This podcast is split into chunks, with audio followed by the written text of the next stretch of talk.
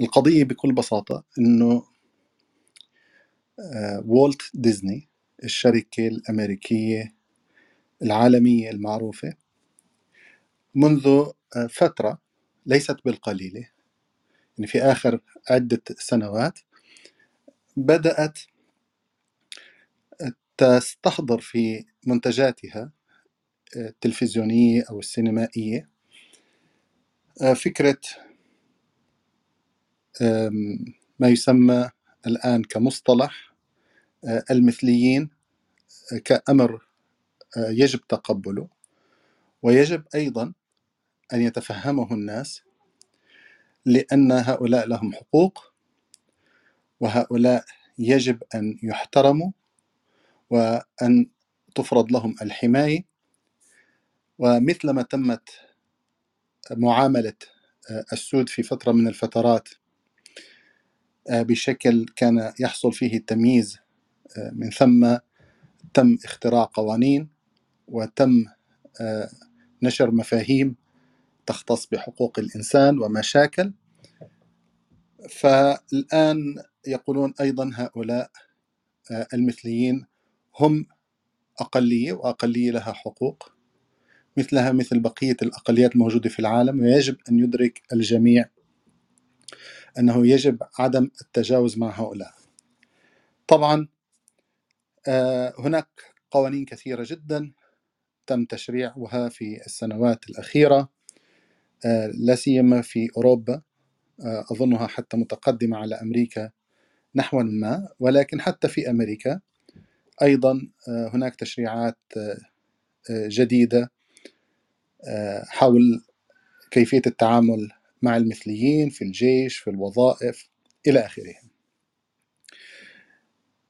الآن الموضوع بشكل آه، حالي يعني دعنا نقول أنه الباعث على بحث هذا الموضوع في جلستنا هذه أنه الفيلم الأخير الذي أنتجته شركة والت ديزني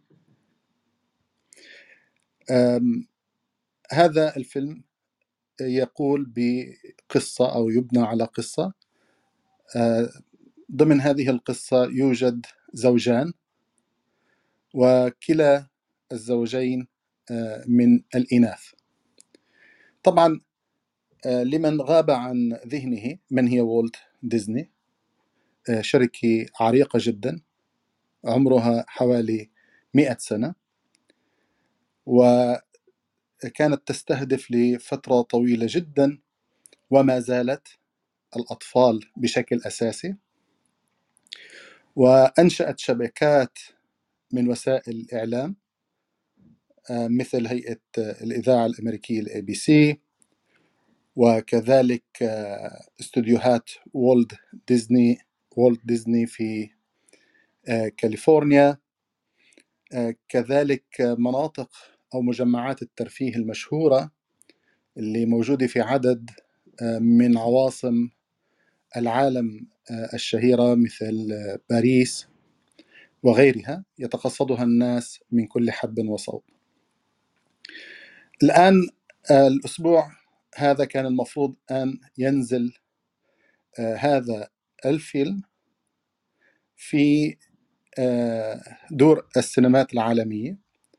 بما فيها دور السينماهات الموجودة في بلدان العالم الإسلامي.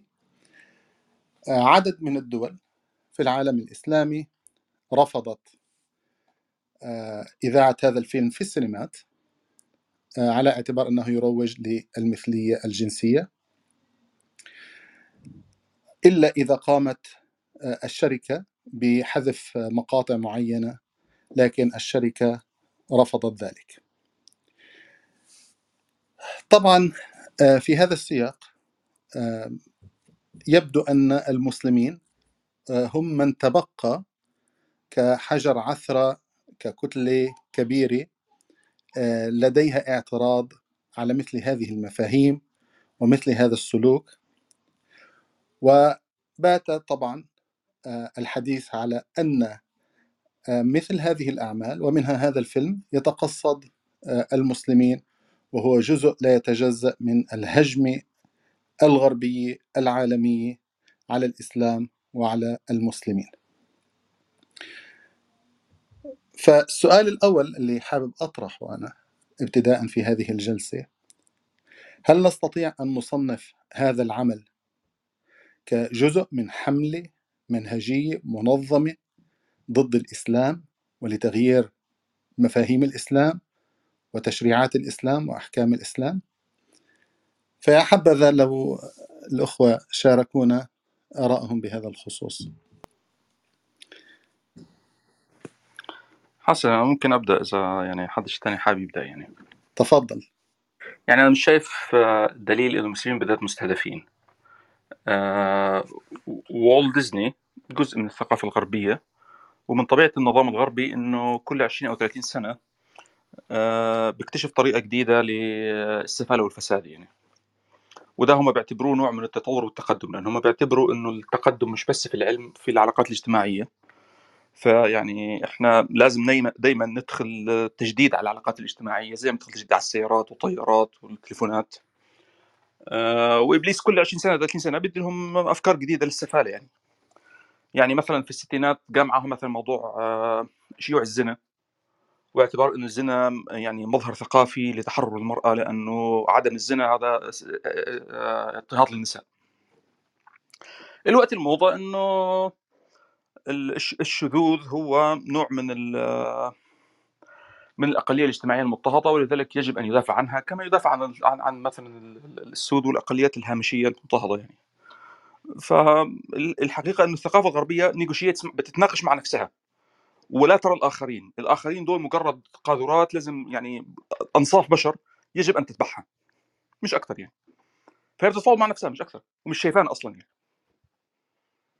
يعني بتشوفنا بس إنه إزاي أنت تفتكر نفسك إنك أنت بني آدم إنك أنت ما تقبلش إنك أنت آه، تلتزم بالمقاييس اللي إحنا حطيناها مين أنت عشان تحدد المقاييس أصلا؟ بس. لكن هو بيناقشوا مع نفسهم والت ديزني جزء من الثقافة ديت ووظيفتها إنها تعمل بروباغندا وطول عمرها بتعمل بروباغندا وكانت بتعمل بروباغندا قبل كده للاستعمار الغربي وكانت بتعمل بروباغندا قبل كده للعنصرية البيضاء. يعني حسب الرائج بتعمل بروباغندا الموجود مش أكثر يعني. فأنا مش شايف تقصد بالذات للمسلمين. هو الأكثر الأدق إنه الاستعمار الغربي يتقصد كل البشرية غير البيضاء. مسلم صيني أفريقي عفريت أزرق يعني ما يفرقش معهم جزاكم الله خيرا. حياك الله. طيب آه، دكتور رياض أنت بتوافق دكتور إيهاب على ما قالوا أم ترى أن المسلمين هم الذين يشكلون آه، عقبة كأداء أمام هذه الحضارة بهذه القيم بهذا الانحراف المفاهيمي والسلوكي وبالتالي لا يصبح المسلمون هم الهدف الأساسي من وراء مثل هكذا حملة. وإلا لو كانت المسألة مسألة دعنا نقول سوق عرض وطلب ومشاكل ممكن أن يعدلوا بالنسخة التي يفترض أن يتم بثها في العالم العربي وخاصة أنها ستعرض في في قاعات السينما. يعني ممكن حتى أن يتركوا ممكن أن يتركوا النسخة الأصلية تعرض على الإنترنت ولكن يخففوا من النسخة التي سيتم عرضها في السينمات وبالتالي يرضى الجميع. ما, ما لا أدري ما هو رأيك دكتور رياض. نعم السلام عليكم. عليكم السلام حياك الله. نعم. يعني هو أتوقع يعني دكتور إيهاب ما بخالفش كثير في الموضوع هذا. يعني ممكن الاتفاق إنه الرايين يجتمعن مع بعض الفكرة إنه آه، يعني هو فعلا هذا متوجه للجميع المعارضين لهذا الموقف والمسلمين يعني من ضمن هذه المجموعة يعني. آه، فممكن ارجع اشارك أنا لأن على ال highway برجع آخر شوي إن شاء الله. تمام. طيب آه طارق آه أنت عندك كان وجهة نظر إنه هؤلاء آه، يتقصدون الإسلام ويتقصدون المسلمين آه، ويريدون النيل من الإسلام والمسلمين. فبعد ما استمعت للدكتور إيهاب وكذلك آه، الدكتور رياض جزئيا كيف ترى هذه المسألة؟ جزاكم الله خيرا. هو هو طبعا يعني هو زي ما ذكرنا هو ذكر الأخوة إنه هو يعني في تقصد لكل المعارضين للموضوع. ده صحيح طبعا لأنه حتى يعني بتجد في أمريكا في معارضة لل لل... لل... للحريات وال يعني الفكرة الحرية وال والأمور دي كلها يعني ال... ال... الزنا والشذوذ والإجهاض الحاجات دي كلها حتى في معارضة قوية يعني. لكن ال... ال... ال... ال... هي ال... يعني لو واحد نظر لبلاد المسلمين بي... بيجي التقصد. يعني مثلا في معاهدات مثلا زي سيداو بتقصد بقوة إدخاله بيجي تسند ل ل يعني في منظمات كثيرة جدا بتجي وتشتغل بلاد المسلمين متعلقة مثلا بالنسوية بنشر الأفكار بفكرة تحديد النسل بالزنا بالحياة دي كلها. ففي تقصد واضح لبلاد المسلمين لأنه طبعا يعني فالمنظمات والهيئات دي وإنفاق كبير جدا على على نشر هذه الفكرة. ببين إنه الموضوع بالنسبة للمسلمين لأنه المسلمين عقبة حقيقية. يعني في الغرب حتى لو في ناس ضد هذا الموضوع في النهاية بيقولوا أنتوا عندكم حرياتكم وحياتكم وعيشوا على أساسها وخلاص يعني. آه لكن إحنا المسلمين إحنا عندنا رسالة وهم عارفين إنه إحنا عندنا رسالة إنه نحمل قيم و مش عاوزين نطبقها في مجتمعاتنا وننشرها للعالم كمان. هم فاهمين الحكاية دي تماما.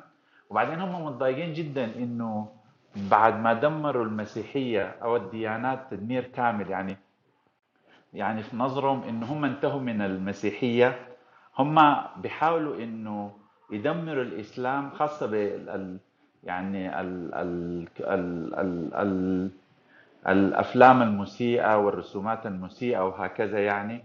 فهم متقصدين الحكاية دي لأن هم شايفين إنه الدين الوحيد التبقى اللي بيدافع وقوي وواقف وعنده تاريخ طبعا في الصراع. فعشان كده لا في هي كمان جزء تقصد.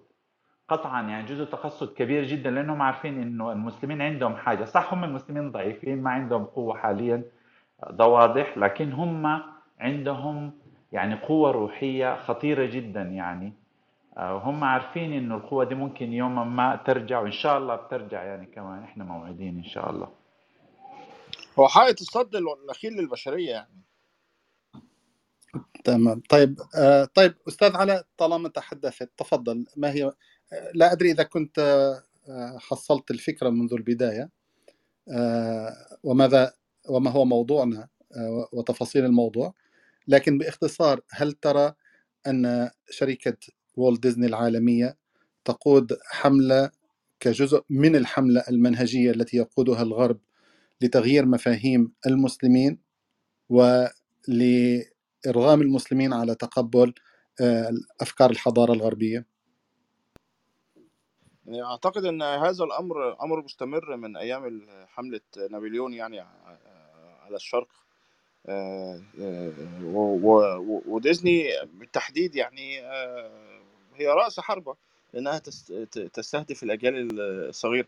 لكن هي الفكرة الفكرة ليس المقصود بها فقط يعني بلاد المسلمين ولكن الفكرة المقصود بها أن الإسلام هو حائط الصد الأخير للبشرية للقيم الإنسانية أن تظل قيم إنسانية. يعني الله سبحانه وتعالى أرسل كتابه هدى للناس مؤمنين وكافرين به.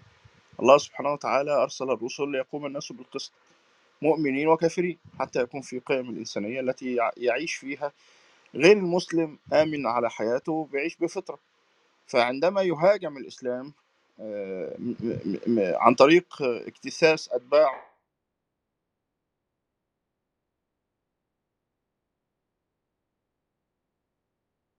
أتباع وأخذهم إلى حظيرة الغرب أفكارا ومنهجا وعملا وسلوكا. يصبح الإسلام اللي هو حائط الصد الأخير للبشرية ضعيفا لأن في الأخير نحن إذا آمنا بالله سبحانه وتعالى وبرسوله والتزمنا هذا السلوك كنا رسل لله سبحانه وتعالى بأعمالنا ومنهجنا. لكن إذا انضممنا إلى هذا المنهج الأخير فنحن خصم للإسلام نصبح ساعتها خصم من الإسلام. فقيم الإسلام هي القيم الوحيدة في هذه الحياة التي لم يعتريها العبث. يد العبث ولم تمتد إليها يد العبث وما زالت واضحة صريحة كما أتى بها رسول الله صلى الله عليه وسلم آه، تحافظ على القيم البشرية الطبيعية الرحمة وال وال والتميز وال آه، والتنوع وكل كل القيم البشرية التي عاشت فيها البشرية على هذه الأرض ما يزال الإسلام آه، إنما جو- إنما بعثت لأتمم مكارم الأخلاق. ما زال الإسلام واضحة فيه. لم يمتد إليه هذه العبث. لا يوجد في الإسلام مؤسسة دينية تستطيع أنها آه، تحتكر العمل الرأي الإسلام وتعبث به. ف... ف... فالإسلام هو ده دوره. حتى لو لم يتم آه، قصده بال... بال... بال- بالحرب أو قصده بالهجوم ولكن الإسلام يعني مسؤوليتنا إن إحنا آخر آخر خط دفاع لهذه البشرية. حتى تصبح آه، الإنسانية ما زالت هي الإنسانية. طيب أشكرك أستاذ علاء. طيب أرجع إلى الأستاذ طعام. الدكتور إيهاب قال أصلا هذه المنظومة الغربية لا تؤمن آه، آه، بأحقية غيرها في الوجود لا على الصعيد الفكري ولا ولا على الصعيد حتى المادي ويتعاملون مع البقية كأنصاف بشر وربما حتى أقل من أنصاف بشر. لذلك لا يوجد أصلا نقاش في هذا الموضوع. هم يفرضون ما يريدون وعلى الجميع وعلى الجميع أن يذعنوا لقرارات وسياسات وأجندات الغرب. الآن هذا لا شك أنه جزء من آه، الصورة. لكن في جزء آخر نحن نحاول أن نتناوله أيضا. أن والت ديزني عندما تأتي بمثل هذه القيم وتبثها من خلال مسلسلاتها وأفلامها وهي شركة عالمية رائدة في هذا المجال. آه، تأتي أيضا ضمن سياق يعني نحن شاهدنا ماذا يحصل في فرنسا بشكل متتابع بشأن الحط من قدر الإسلام والمسلمين ما يحصل في الدول الإسكندنافية من حرق للقرآن وتهجم على الرسول صلى الله عليه وسلم. القوانين الجديدة التي تتنافس الدول الغربية في تشريعها للنيل من الإسلام والمسلمين تحديدا. فكيف ترى المسألة آه، بدورك آه، في سياق ما نذكر؟ تفضل أستاذ طاعون الله يزيد فضلك ويكرمك ويبارك فيك. آه، يعني هو في جانبين آه، متعلقين بالمسألة. الجانب الأول يعني اللي تفضل وذكر الدكتور إيهاب إنه هذا من من قديم يعني هم. المفهوم اللي هو ب- بتركز عندهم وبيتبنوه وبيمشوا فيه وبيقوموا بنشروه. وضرب مثل عن موضوع الزنا ويعني العلاقة بين الرجل والمرأة بزواج أو خارج نطاق الزواج يعني كيفما كان. فهذا يعني يقع ضمن سياق الحريات ومشاكل. هلأ من هي من هذه الز... من هذه الزاوية أو فيما يتعلق بهذه النقطة إحنا بنلاحظ إنه ما يجري اليوم يختلف عن عما كان يجري من عقود.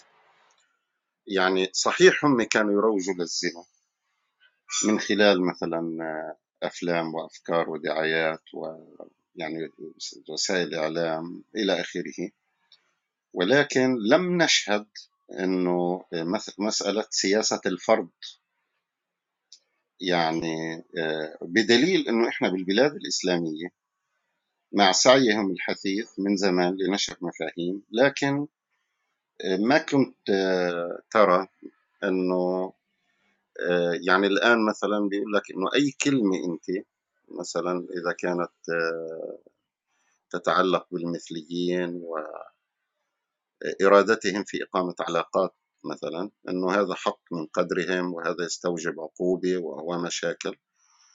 يعني نحن كنا نرى يعني إنه موضوع الزنا منبوذ حتى بالقوانين يعني في إنه لا يعني هذا شيء خارج نطاق يعني النظام الاجتماعي المعمول به. الآن الذي نراه نحن إنه في فرض لهذا المفهوم من ناحية آه، فكرية ومن ناحية قانونية أيضا وفي ح- حملة آه، يعني شعوة ضد كل من يرفض تقبل هذا المفهوم. هذا لم نكن نشهد سابقا. وهذه هذه النقطة الأولى أو الجانب الأول. الجانب الثاني المتعلق آه، توجيه هذا الأمر للأمة الإسلامية. أيضا يعني من آه، تقريبا آه، من من منذ أن بدأت مسألة الحرب على الإسلام من قبل يعني الدول الغربية وخاصة عندما يعني هدموا دولة المسلمين وفرضوا سيطرتهم على جميع الأصعدة على البلاد الإسلامية في حد معين كانوا لا يتجاوزوا في حربهم على الإسلام. كانت الأمور تقف عند حد أن يبقى المسلمون خاضعين لسيطرتهم. لا يهتدوا إلى أن الإسلام مبدأ لكل شؤون الحياة ودين والدولة جزء منه لأنه هذا يشكل خطر على يعني سيطرتهم وعلى حضارتهم ومشاكل. نحن نرى أنه منذ تقريبا عقد أو أكثر قليلا الحرب توسعت لتشمل كل مفاهيم الإسلام سواء كان الأمر يتعلق بالجانب السياسي أو كان يتعلق بالجانب الاجتماعي أو بغير ذلك. آه، وضرب مثل يمكن أبو محمد طارق مشكورا مثل موضوع سيداو وغيره من القوانين والتشريعات التي بدأت يعني تسن في بلادنا. صحيح أنه هم لما تبنوا هاي مسألة المثلية ليس المقصود هو الحرب على الإسلام. وصحيح اللي ذكره الدكتور إيهاب أنه هؤلاء توصلوا إلى هذا هذا الأمر يعني فيعملون على نشره وما إلى ذلك. طبعا نحن لا نبحث الآن ماذا وراء يعني المثلية؟ يعني لأنه في شيء غريب الآن أنه دول يعني تشترك وتجتمع على فرض مثل هيك أمر وبالقوة يعني في شيء لافت للنظر بالموضوع يعني. لكن خلينا نقول أنه آه هذا الإنتاج من والت ديزني ليس أنه هو موجه يعني أنتج ليكون موجها ضد الإسلام والمسلمين ولكن هو في طياته يحمل أنه ضد الإسلام والمسلمين. وكونه الآن هم قرروا أنه ينشروه في يعني السينما دور السينما في في دول العالم وقامت دول في بلادنا بمنع نشره فقامت يعني منظمة العفو بإصدار بيان ينتقد هذه الدول إذا هو يعني الأمر آه، يحمل حربا بالنتيجة على الإسلام والمسلمين وخاصة كما تفضل يعني الإخوة آه، أنه الإسلام لأنه يشكل يعني بديلا عن الحضارة الغربية هو الوحيد يعني اللي ممكن يشكل خطر على حضارة الغرب. من الناحية الحضارية نتكلم. إذا هو ضمن يعني سياق هذه الحرب ويكون مقصودا ومستهدفا آه، وبالتالي يجب أن نتصرف نحن على هذا الأساس يعني أنه نحن مستهدفون بصرف النظر عن بحث هل إنتاج هذا الفيلم هو لاستهداف الإسلام والمسلمين أم لا. مش هون الموضوع. موضوع بالمحصلة أنتجوه هم أنت ترفض هذا الأمر. هم قضية عندهم الآن نشر هذا. إذا الحرب حصلت. ما لست أنت الذي اخترت الحرب فرضت الحرب فيجب أن يعني نتصرف على هذا الأساس. والله أعلم. طيب أشكرك أستاذ طهان. أستاذ آه، مشاعر؟ السلام عليكم. أنا أستاذة مشاعر. أستاذة مشاعر تفضلي. آه شكرا جزيلا لكم وشكرا لطرح الموضوع الهادف. آه بس خلوني أنا أتفق مع أستاذ إيهاب. آه في كثير ما ذهب إليه. آه أولا آه لمعرفة هل ديزني آه الهدف بتاعها هو تغيير الشخصية الإسلامية للأجيال القادمة. أم عندها هدف غير كده يجب ننظر لأنه ماذا تريد ديزني؟ هل المدير العام بتاع ديزني. هو إنسان سياسي ولا هو إنسان آه، بيسعى لتحقيق أرباح وهل الناس المساهمين في شركة ديزني اللي بينتظروا الديفيدنس يجيهم كل نهاية السنة هل هم بيهمهم تغيير الشخصية الإسلامية أم بيهمهم إنه كم بيجي في جيبه نهاية السنة؟ عشان نحن نعرف العالم بيفكر كيف. المدير العام لديزني بهمه نجاح شركة ديزني. من مية سنة شركة ديزني شغالة وبتتوزع بتتوسع وبتشتري في شركات وآخر شركة هسه اشترى ضمت شركة فوكس وشغالة بتتوسع في إنها عايزة تحقق أكبر أرباح وعايزة تسيطر على الميديا في العالم الغربي على الأقل. قبل مية سنة أو كل المسيرة بتاعت التطور بتاع ديزني ما كانت خادة في الأكاونت بتاعها العالم الإسلامي أو العالم العربي. وما كان بترسل يعني بالنسبة لها ده ما جزء كبير جدا من الدخل بتاعها ولا تحقيق الأرباح. فبالتالي هي النظرة بتاعتها نظرة بتاعت تحقيق أرباح في الدرجة الأولى.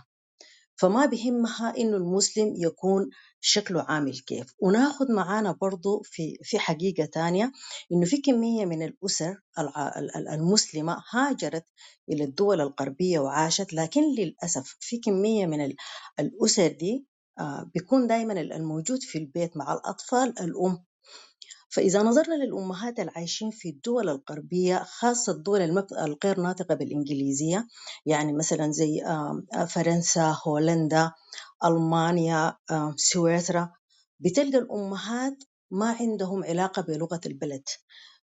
بيتكلموا باللغة بتاعت اللي هو لغتنا العربية. فبالتالي الطفل ما في مراقبة. يعني الأم بتكون عارفة طفلها اللي هو بيقلب في القنوات وبيحضر في ديزني ما عارفاه ذاته هو بيحضر في شنو ولا عارف شنو. الأبو اللي بيكون عارف اللغة بيكون شغال.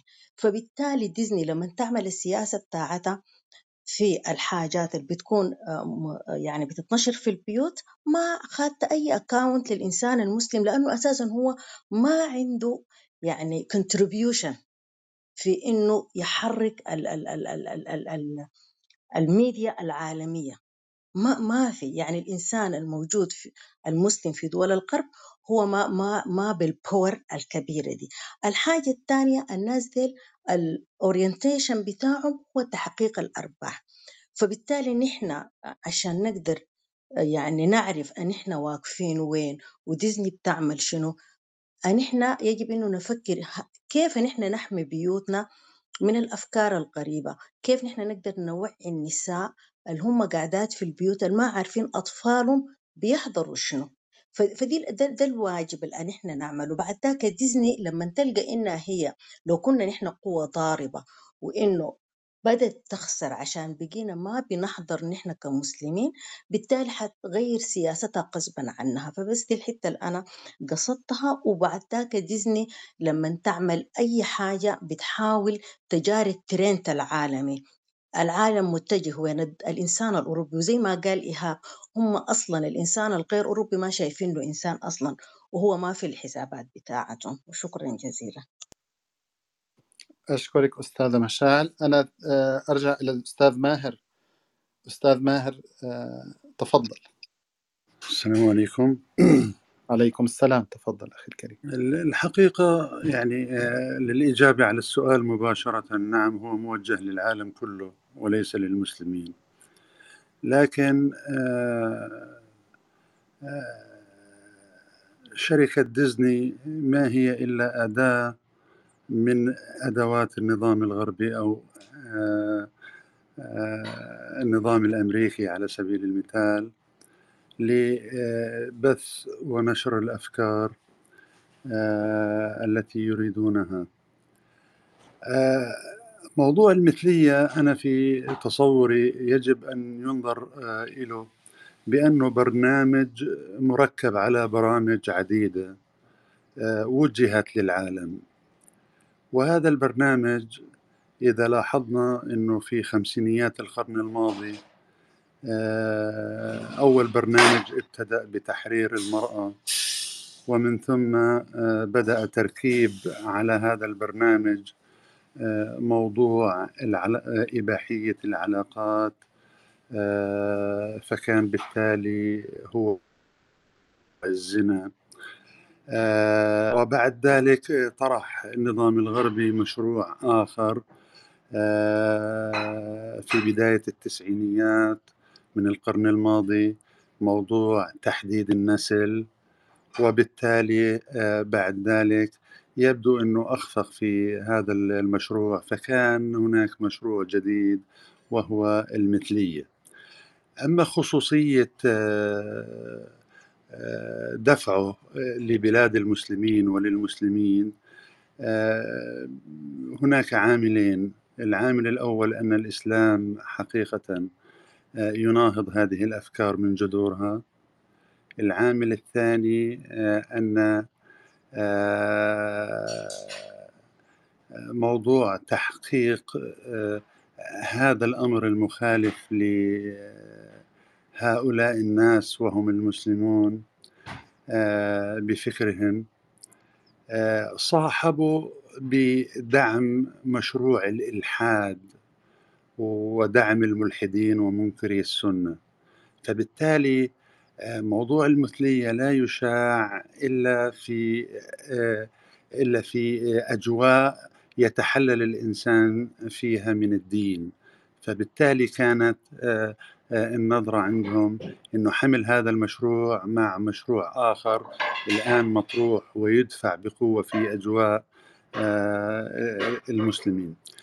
الآن أنا أرى أنه عقدة الغربي الآن هي موجودة في عقدة العنصر الأبيض وتميزه وظهوره على باقي العناصر الموجودة في العالم. هذا العنصر الأبيض يدفع بمشاريع بأفكار ومفاهيم للعالم حتى يبقى مسيطر.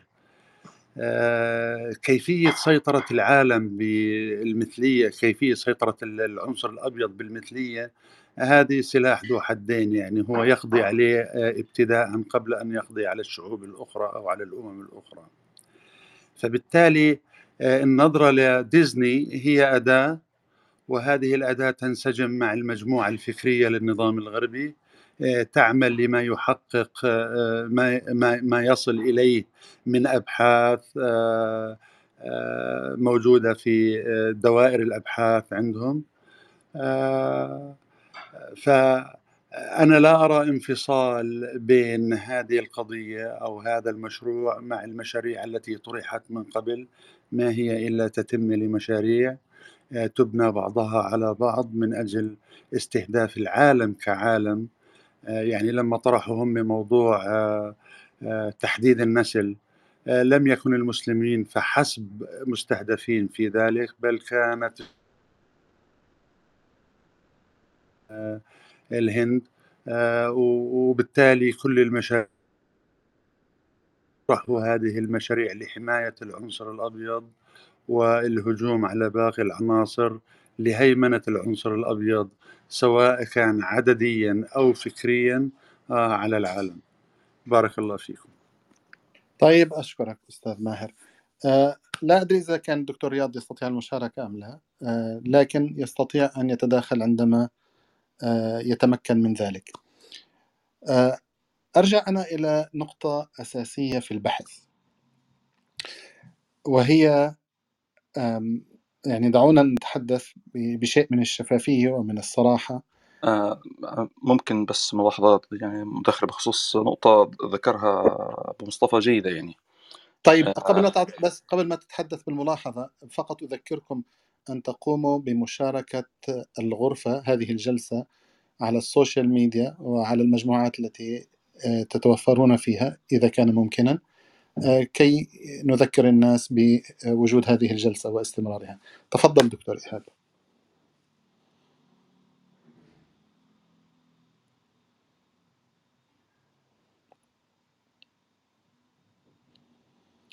لمن لا يعرف كيفية مشاركة الغرفة آه، هناك آه، زر في أسفل الشاشة بالقرب من المقص فقط تضغطون على ذلك الزر ومن ثم تقومون بمشاركتها حيثما تريدون.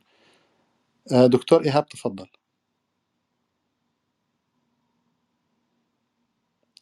يا إخوة ما زلت مسموعا؟ آه، عذرا أنا كنت قافل التليفون الميكروفون. نعم. آه، لو رجعت مثلا للعهد الدولي للحقوق الاجتماعية هتجد أنهم يعني تم التفاوض عليه وإقراره في منتصف التسعينات. آه، ونقطة آه، أبو مصطفى إنه في تغيير في نمط الاس- الاستعمال الغربي هذا صحيح. بس ده مش متعلق بس بالعهد الدولي أو بالشذوذ هو متعلق بإنه بعد سقوط الاتحاد السوفيتي وسيطرة الغربي كل ما تصاعدت قوة الغربي كل ما زادت مطالبه كمستعمر. فهو الوقت بيطالب العالم كله بإنه يركع ويسجد. يعني لما كان في كان في عنده خصم سوفيتي كان مضطر يسيرنا. ويحاول يعني يعمل دعاية للس- للسفالة والفساد بدون إكراه وإجبار. لكن لما أصبح متفرد أصبح بيجبرنا بك- بكره وبيجبر على السفالة والفساد. فدي مسألة يعني في تغيير في طبيعة الاس- الاستعمار الغربي. لكن ده مش متعلق بمسألة الشذوذ مثلا يعني.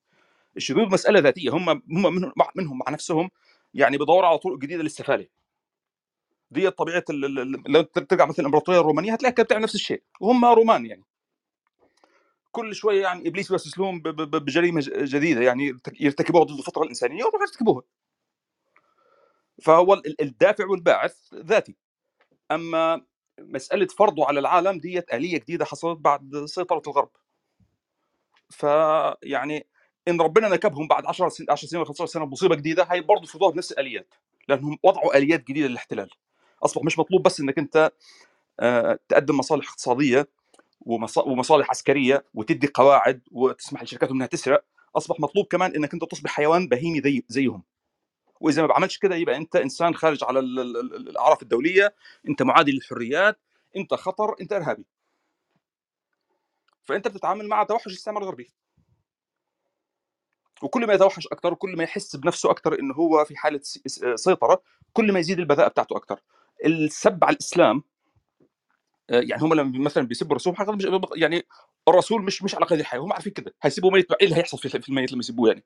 بس هم الحقيقة متقصد متقصد الأمة الإسلامية إنه أنتم تحت وأنتم لازم تخض- تخضعوا لنا ولازم نهينكم وتقبلوا بالإهانة.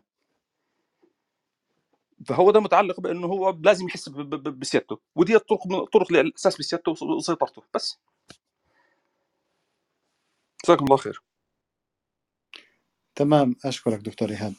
يعني كانت أنا قبل ما آه، تتداخل الفكرة الموجودة في بالي أن المسلمين آه، في يومنا الحالي في عهدنا الحالي في عصرنا الحالي آه، لا يشكلون قوة مصارعة أو مناوئة للغرب سواء على الصعيد السياسي ولا حتى الاقتصادي بطبيعة الحال ولا حتى على الصعيد الفكري. لكن مما لا شك فيه أن المسلمين بوصفهم يتبنون الإسلام وثقافة الإسلام وقيم الإسلام يشكلون عقبة أمام هذه المدحلة الغليظة الكبيرة ال- الآلة آه، الغربية آه، التي تريد أن تسحق جميع من يقف أمامها. وشاهدنا الآن كيف يتعاملون آه، حتى مع مع غيرهم عندما يقفون عقبة آه، أمامهم. آم، فبالتالي يعني نحن أمام وجود حالة من الهيمنة غير المسبوقة للفكرة الليبرالية الرأسمالية بثقافة آه، اجتماعية متحللة بثقافة فردية تقوم على أساس سيادة الإنسان وحرية الإنسان المطلقة بحيث يصفونه أنه والعياذ بالله رب نفسه. وأن رغبات هذه الإنسان وأن رغبات هذا الإنسان هي التي تحدد علاقته مع الآخرين.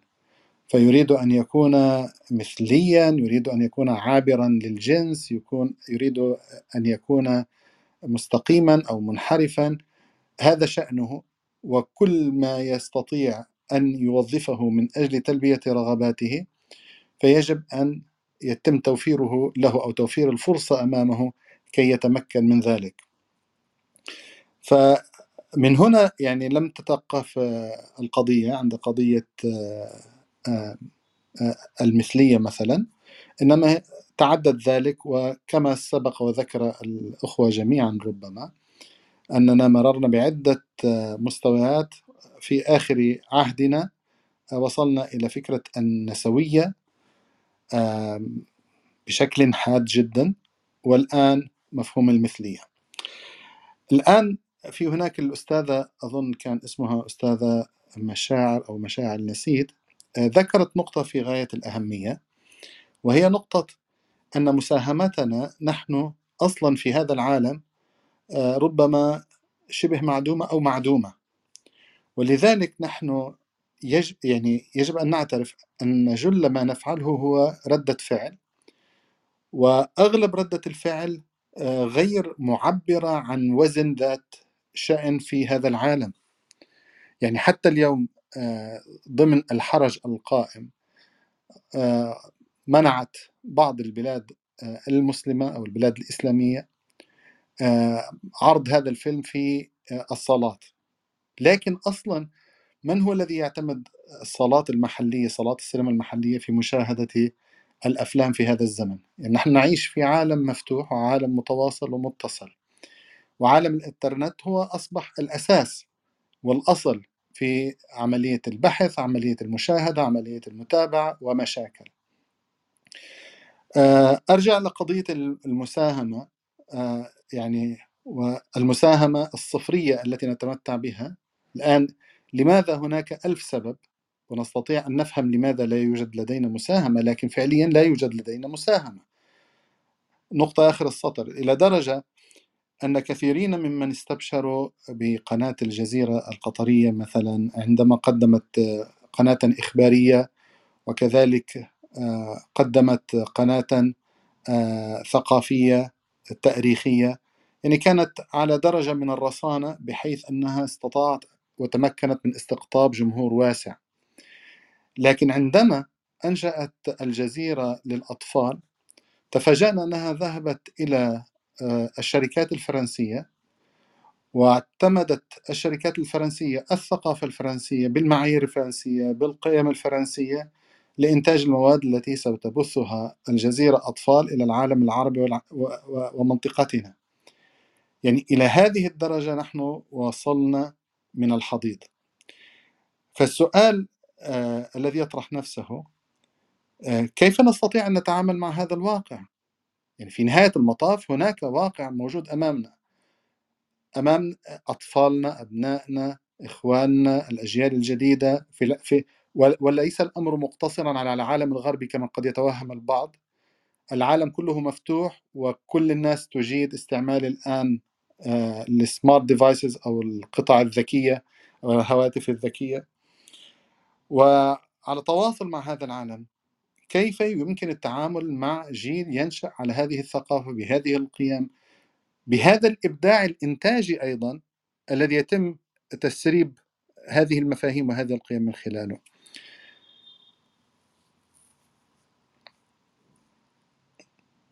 آه دكتور إيهاب تفضل آه عذرا أنا هسمع يعني طيب آه، أستاذ يس خلينا نبدأ من الأستاذ يس دخل معنا. السلام عليكم. عليكم السلام. تفضل أستاذ أنا يس شوية أريد أصير آه، يعني negative بالطرح. هي وين هي الشخصية الإسلامية؟ حتى إحنا خايفين عليها وراح تتغير. وين المؤسسات مالتنا اللي جاي تبنيها؟ حتى نخاف إنه يغيرونها. الطفل هو يعني ابواه من ذاك الزمن الحديث واضح أبواه يهودانه ويمجسانه وينصرانه لحد الآن إحنا باقين على الأب والأم. اللي هم يطرحون نفس الأفكار وال... وال... والخرافات وال... يعني ما ما أعتقد عندهم باع بالت... بالتربية وال... الرجل والمرأة يتزوجون بدون تثقيف. يسوون يعني أعتقد هو بروكن هوم وتالي يصير الطفل والطفل ما شاء الله هو ياخذ من المجتمع المجتمع ما مو ذاك المتمدن. وما عندنا مؤسسات جاي تبني إنسان صحيح. قادر على يعني عنده عنده يعني يعني critic mind يعني إنه يقدر ينتقد الأفكار ويقدر. الإنسان إذا بنى بناء بناء صحيح لا تقدر لا ديزني ولا غير ديزني. يعني تتحرك من قيد أنملة المبادئ الصحيحة إذا انغرست بالإنسان هذا هو. يقدر يعني يقدر يقاوم اعتى ال ال ال يعني البرين ووش. إذا إذا أكو برين ووش من الخارج فهو إذا من الداخل ثابت وعنده ثوابت هذا ما يخاف عليه. المشكلة بالبناء. مو المشكلة إنهم جاي يهجمون أو إنهم يستهدفون أو إنهم أعتقد إحنا من من داخلنا مهزوزين لذلك إحنا نخاف أعتقد القوي إذا كان البناء قوي ما أعتقد إنه تهز هاي ال هاي ال الأمور وثم إحنا الدول الإسلامية ككل هل هو سوق رائج لديزني أو غير ديزني؟ هل عندنا إحنا بديل عن ديزني؟ ما ما يعني مؤسساتنا بسيطة بالنسبة للإعلام بالنسبة لتربيه الطفل حتى إذا تريدها إذا أشوف يعني طرح الطرح الإسلامي كمؤسسات إعلامية لأفلام كرتون أو مسلسلات أو كلش بسيطة جدا بسيطة ما تستهوي أي أي أي طفل أو حتى الكبير. ما جاي يعرضون فد شيء يعني بطريقة مشوقة بطريقة آه، يعني آه، بيها بيها نوع من من الفن إنه تستهوي الآخر وتزرع بنفسه وبعقله وبروحه هذه الأخلاق الإسلامية الراقية طبعا. الكل ضد ضد هذه الأمور اللي, اللي يعني الأخلاق ترى هي موجودة بداخل الإنسان مو مو فقط المسلم. أه ككل أكو أكو تذوق للأخلاق أكو سنسس داخل الروح وداخل العقل للأخلاق. الكل تعرف الحق الخلق الجيد من الباطل من الخلق السيء. والكل تستشعر هذه الأخلاق الجيدة. الكل تريد توصل لهذا ال هذا حتى بالغرب هسه أنا الكلاب الكلاب هاوس فتح آفاق جديدة يعني. أمس على الكلاب هاوس بأمريكا يحجون على يحجون على على ال trans women و transgender يعني transgender وكانوا يأنون من الموضوع يقولون شلون يعني أنا trans woman و transgender شلون؟ إحنا ما نريد نشاركهم نفس ال نفس ال WC ما نريد نشاركهم نفس الرياضة ما نريد نشاركهم. هم يحجون أجنبي يعني يحجون إنجليزي وهي بامريكا نفس الأوضاع. هناك أكو معارضة لهذه هذا هذا الطرح طرح الترانس وطرح ال ال ال ال الأمور ضد الأخلاق. الكل ضده ترى. يعني حتى إذا أكو دعم كبير من مؤسسات إعلامية أو دعم من من ما أعرف منو يقود هذا الدعم ومنو يريد يوصل الانسانيه لهذا لهذا الكل مستهدف مو فقط الإسلام. لأنه الإنسان آه، ما تقومه فقط أعتقد الأخلاق تقوم. الانسانيه والانسانيه ككل عندها هذا السنسز. المورال سنسز موجودة عند الكل مو فقط عند المسلم. والرسول واضح إنما بعثت ليتمم. مو راح تبدي من جديد ولا راح تبدي من الصفر. موجودة الأخلاق لكن أتمم مكارم الأخلاق. والمشكلة أنه إحنا هسه مسخنا. أعتقد يعني حتى حتى داعش عندها على على على الكلاب هاوس عندها تبشر وشلون ما نذبح فلان وشلون ما نقتل فلان. انمسخت حتى شو اسمه يعني هم الإسلام آه، والمسلمين مو واضحين بالطرح ولا عندهم. عندهم مستهدفين حتى من الداخل مهزو هواي أكو هزات من الداخل جاي تجي لنا مو من الخارج والهزات الداخلية كلش كافية علينا يعني. وشكرا جزيلا وآسف جدا. نعم نعم أستاذ يس يعني ربما آه، دعنا نركز على نقطة أساسية ذكرتها وهي النقطة المتعلقة بالشخصية الإسلامية. آه، وقلت أين الشخصية الإسلامية التي يراد هدمها؟ هذه نقطة آه، أساسية في البحث. النقطة الأخرى ربما أضفت أيضا جديرة بالتوقف عندها أن الشخصية المسلمة في حال تم بناؤها بشكل سليم فتصبح شخصية واثقة من نفسها لا تؤثر فيها لا ديزني ولا غير ديزني. آه، الأمر الثالث آه، أيضا آه، من الأشياء التي ذكرتها وهي قضية أنه لا يوجد لدينا وضوح في الفكر ولا في الخطاب. يعني حتى عندما يتم تناول مثل هذه القضايا خاصة فيما يتعلق بموضوع الشذوذ الجنسي ومشاكل لأنه هو بطبيعة الحال موضوع مقزز إنسانيا عند أصحاب الفطرة السوية وموضوع شرعا يعني لديه عقوبات صارمة.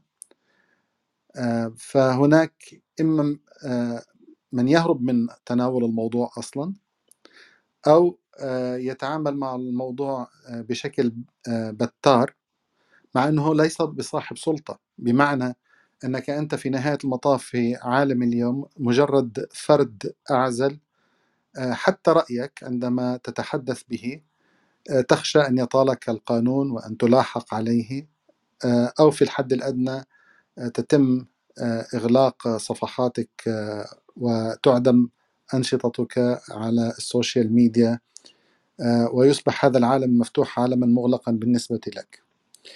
فإذا نحن أمام أشياء كثيرة. أشبه بدوامة. لكن أريد أن أؤكد على مسألة واحدة أساسية. دعني أختلف معك فيها أستاذ يس يعني هذه تعتبر أساسية. موضوع يعني أتذكر مثلا ونحن أطفال كانت ثقافتنا مبنية أو مستقاة من عالم البي بي سي الناطق باللغة العربية وهو عالم ساحر في برامجه المتنوعة. كذلك في عوالم أخرى صنعت لنا مخيلاتنا مثل عالم السندباد وعالم وعوالم مشابهة كثيرة جدا.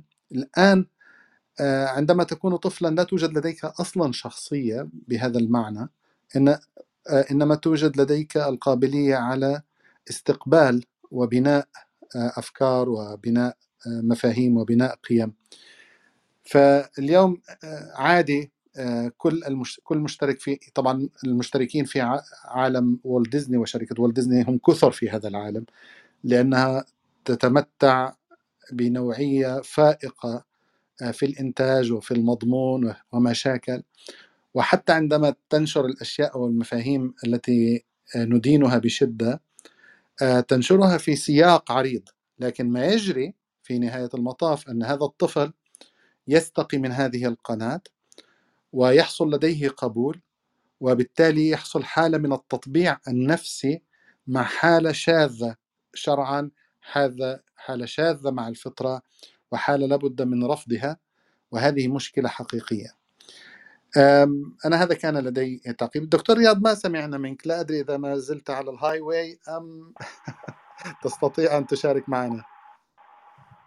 نعم أنا على الطريق مشوار طويل اليوم بس نستمع عنا بالنقاش يعني. لو عندي إضافة والله مفيده بتدخل بس ما في عندي أي شيء جديد.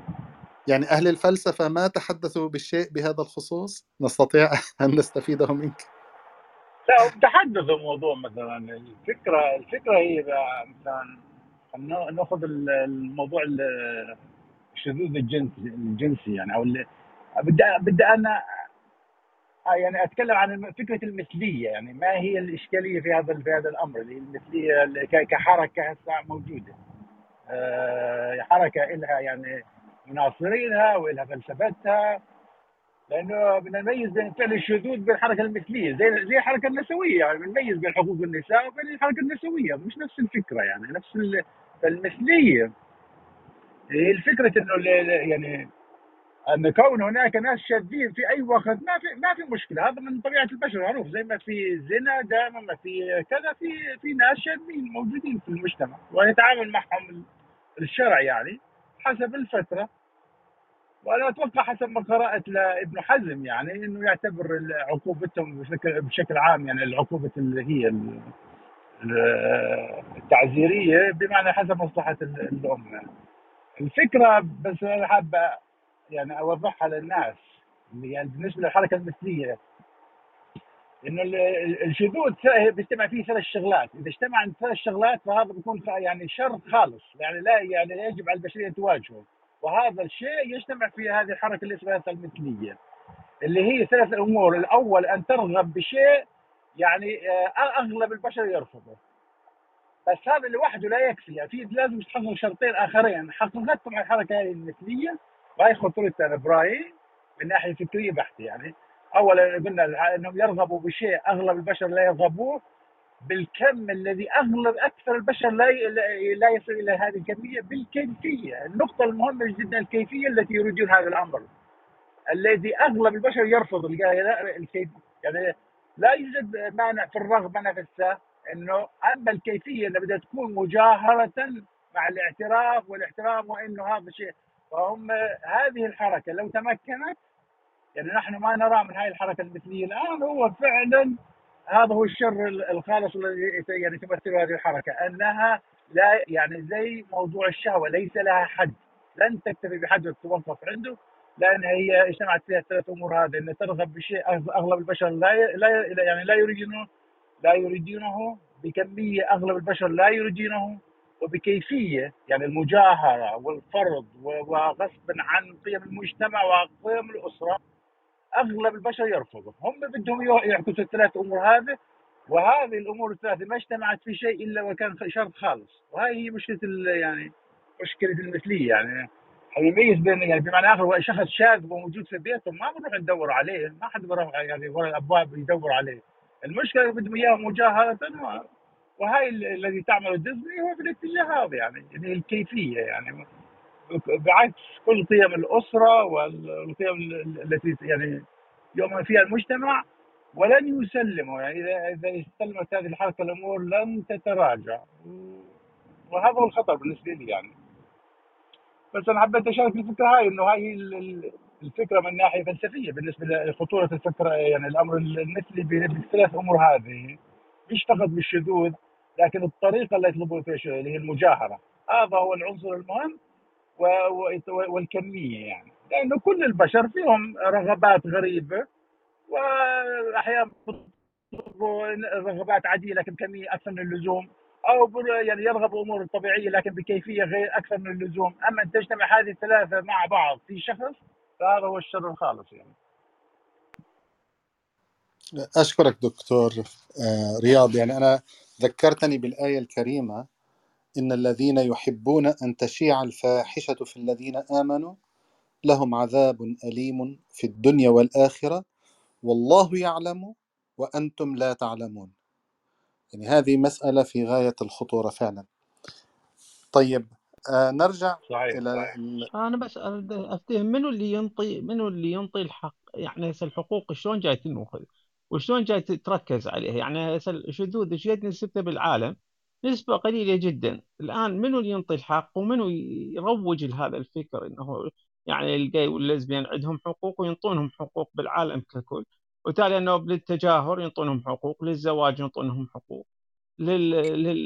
للمظاهرات ينطونهم حقوق. منو اللي جاي يحرك هذه الأمور بالعالم ككل؟ آه، يعني غريبة إنه نسبة قليلة تأخذ حقوق بينما نسبة كبيرة يفرض عليها إنه ما ما ما يمكن تعبر عن رأيك إنه تقول إنه مثلا هذا نوزيتنج هذا فشي مقرف هذا فشي شو اسمه ويعتبرونها هوموفوبيا ويعتبرون إنه أنت جاي تأذيهم إذا تحكي يعني أنت مشاعرك إنه هذا مقزز والله يعني يهديهم لأنه أعتقد إنه يلجأ لهذا عنده رغبة. وهاي الرغبة مشكلة إنه إذا عنده انحراف بالرغبة مشكلة يعني. يعني مو ماكو فد إنسان سوي هسه تجيبه حتى لو تحطه ب 100 ديزني أو غير ديزني راح يتقبل هذا الأمر أو راح على الأقل يصير عنده نفس الرغبة، الرغبة هاي مشكلة. إنه ما ما تقدر أنت تحطها بإنسان سوي، ما أعتقد إنه تقدر تحطها بإنسان سوي حتى إذا تحطه ويا يعني جاي فترة من الزمن، يعني يبقى الرغبة مالته موجودة إنه الاتجاه الآخر يعني. ما أعرف. آه، دكتور رياض عندك جواب على هذا السؤال؟ يعني من أعطاهم هذا الحق؟ ما هو مصدر منحهم هذه الحقوق لهذه الأقلية أو تلك؟ بل على أي أساس اعتبروا أن جماعة آه، آه، ما يسمى بالمثليين هي أقلية؟ يعني أنا أفهم شيء اسمه أقلية هندية أقلية مسلمة أقلية سيخ أقلية مسيحية. أقلية لا أدري جنية لكن أقلية من الشاذين يعني كيف بتتم عملية آه، تبني مثل هذه المفاهيم وهذه الأفكار وهذه التصنيفات لا أدري هل لديك شيء تستطيع أن تفيدنا فيه دكتور رياض؟ والله أنا ممكن بجوز الدكتور إيهاب يفيدنا أكثر بهاي الناحية بس بشكل عام أنا بحكي انه هاي هي فعلا أقلية لكن بصراحة هي نفس نفس كالاقليه اليهودية يعني في الغرب يعني يعني ركزت على مراكز القوة في الانتخابات التشريعية والنواب والإعلام والهوليوود والجانب اللي هي الجامعات يعني الجانب التعليمي من النظام. فهي مركزة واضح إنه وراءها وراءها تخطيط ضخم وتوجيه على مراكز التأثير و... و... ولهم دعم يعني. ليش ممكن الأخ إيهاب بيفيدنا أكثر يعني بالتفاصيل؟ يعني أنا ضعيف في الواقع العملي يعني. أحلنا السؤال الدكتور إيهاب. تفضل دكتور. حسنا المسؤول عن الدعاية لسفالة الشذوذ في في أمريكا شيء اسمه ال Human Rights Campaign حملة حقوق الإنسان. والطريقة اللي بيستخدموها للدعاية للسفالة إنهم بي يعني بيستخدموا لغة حقوق الحقوق وحقوق الإنسان.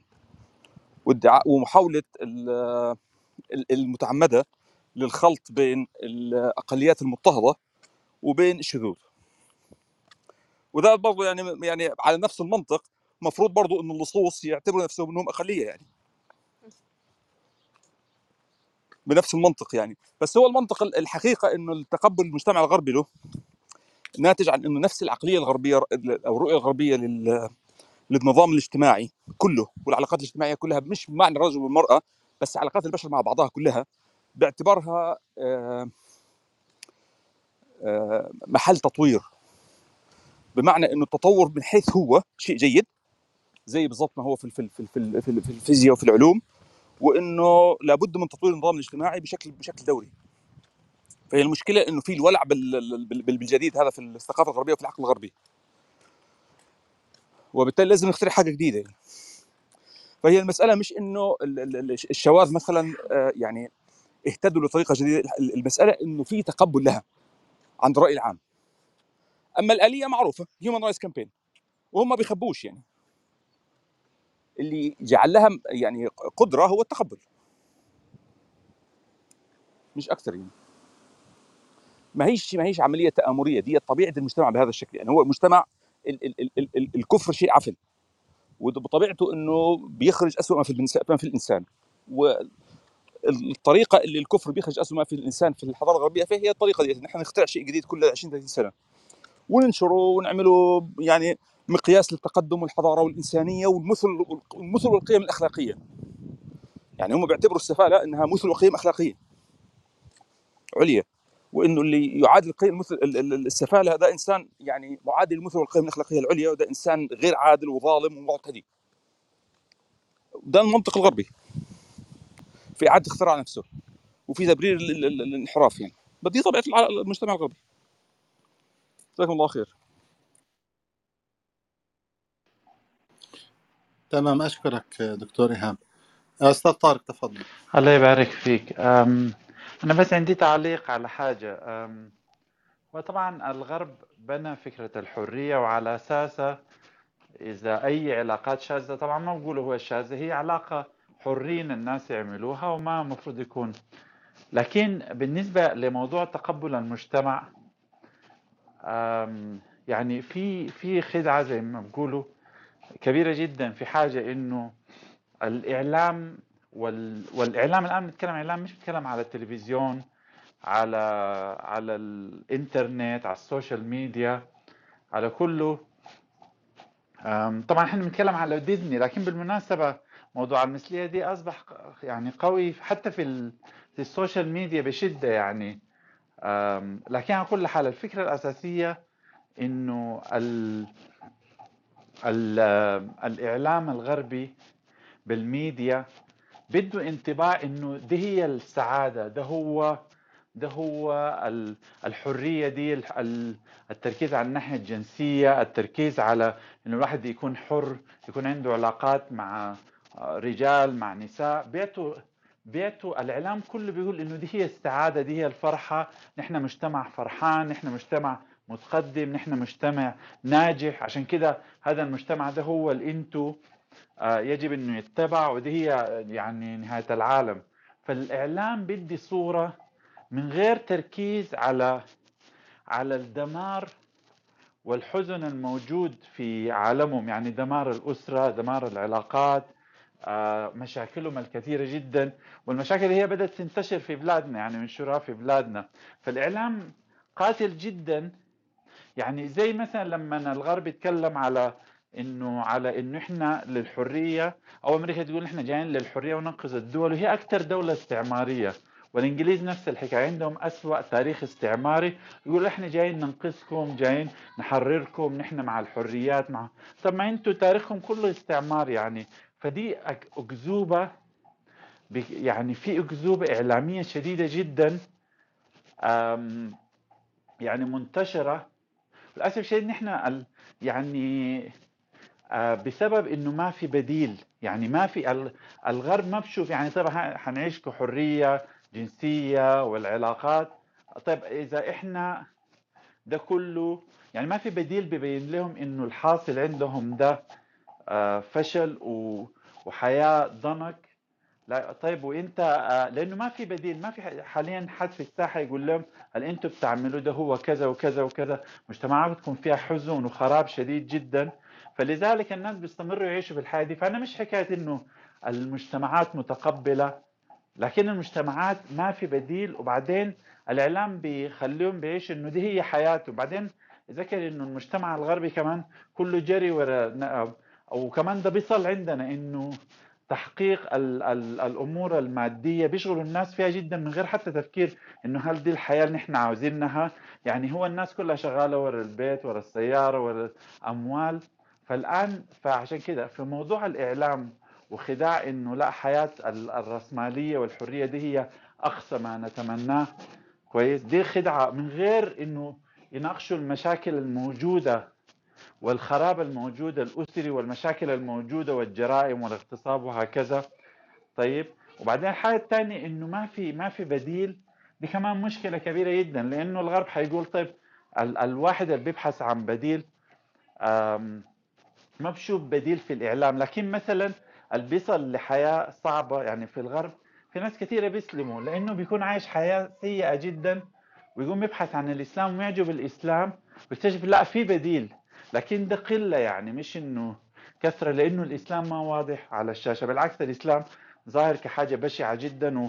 والأول فكر أول كلمة تتكلم عن الإسلام هي تكون داعش يعني مثلا كمثال. طيب أشكرك أستاذ طارق. أنا بس فقط ملاحظة سريعة. يعني هناك لأنه غ- غالبا ما تتردد هذه المقولة أن هناك من يسلم من الغربيين وهذا كلام صحيح. أنا اطلعت على بعض المقالات التي تح- تحدثت أن هناك آه، إحصاءات يعني شبه رسمية أن عدد الذين دخلوا في الإسلام تقريبا يقارب عدد الذين خرجوا من الإسلام لكن بطبيعة الحال الناس بتركز على الناس الذين دخلوا في الإسلام. لكن هذا جانب دعنا نقول أنه على هامش الحديث وليس آه، في صلب الحديث. آه، المشكلة أيضا في موضوع ال- البديل عندما نتحدث عن بديل بديل ماذا وعلى أي صعيد؟ هل هو على صعيد سياسي؟ هل هو على صعيد فكري؟ هل هو على صعيد آه، اجتماعي؟ طيب ومن يريد أن يقدم هذا البديل؟ يقدمه من يفقده؟ يعني نحن لا لا يوجد لدينا بديل إسلامي سياسي ولا بديل إسلامي اقتصادي ولا بديل إسلامي اجتماعي. نحن يدوب آه، الشخصية الإسلامية حتى على الصعيد الفردي للأسف الشديد مجتزأة وهناك نقاش كبير جدا حول ما هو الصحيح وما هو الفاسد منها. آه، طبعا الإسلام كله خير بلا أدنى شك والإسلام بحد ذاته كرسالة وكوحي آه، يمثل آه، رسالة الخاتمة للبشرية والمتمسك به المفروض أن يعيش بحالة من الطمأنينة والاستقرار والأمن ومن يفرط به يعيش مثل معيشتنا الآن من حالة بؤس وضنك آه، واستعباد من قبل الآخرين.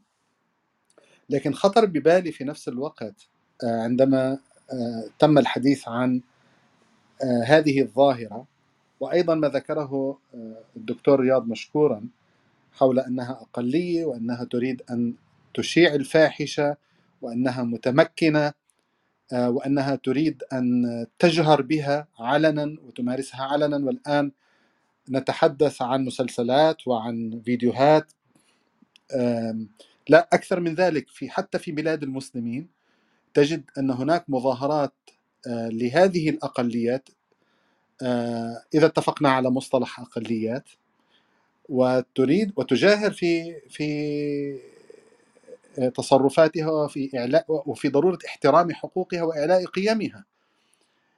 يعني آه، لدى البارحة كان هناك مظاهرة في إسطنبول آه، قبل فترة كان في هناك مظاهرة آه، في بيروت وقبلها في مناطق يعني حتى في قلب العالم العربي والعالم الإسلامي هناك جهر وصدع وكأنهم يجهرون بدعوة رفيعة إلى الأخلاق وإلى القيم النبيلة وما شاكل.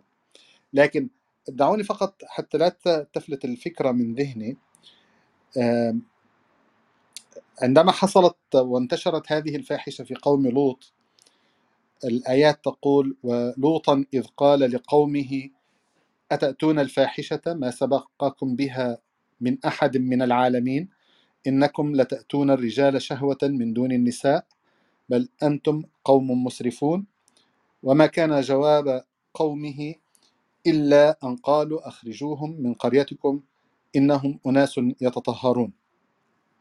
طبعا كانت آه، العاقبة آه، أن الله سبحانه وتعالى آه، قلب قلبها ظهرا على بطن ودمرها تدميرا.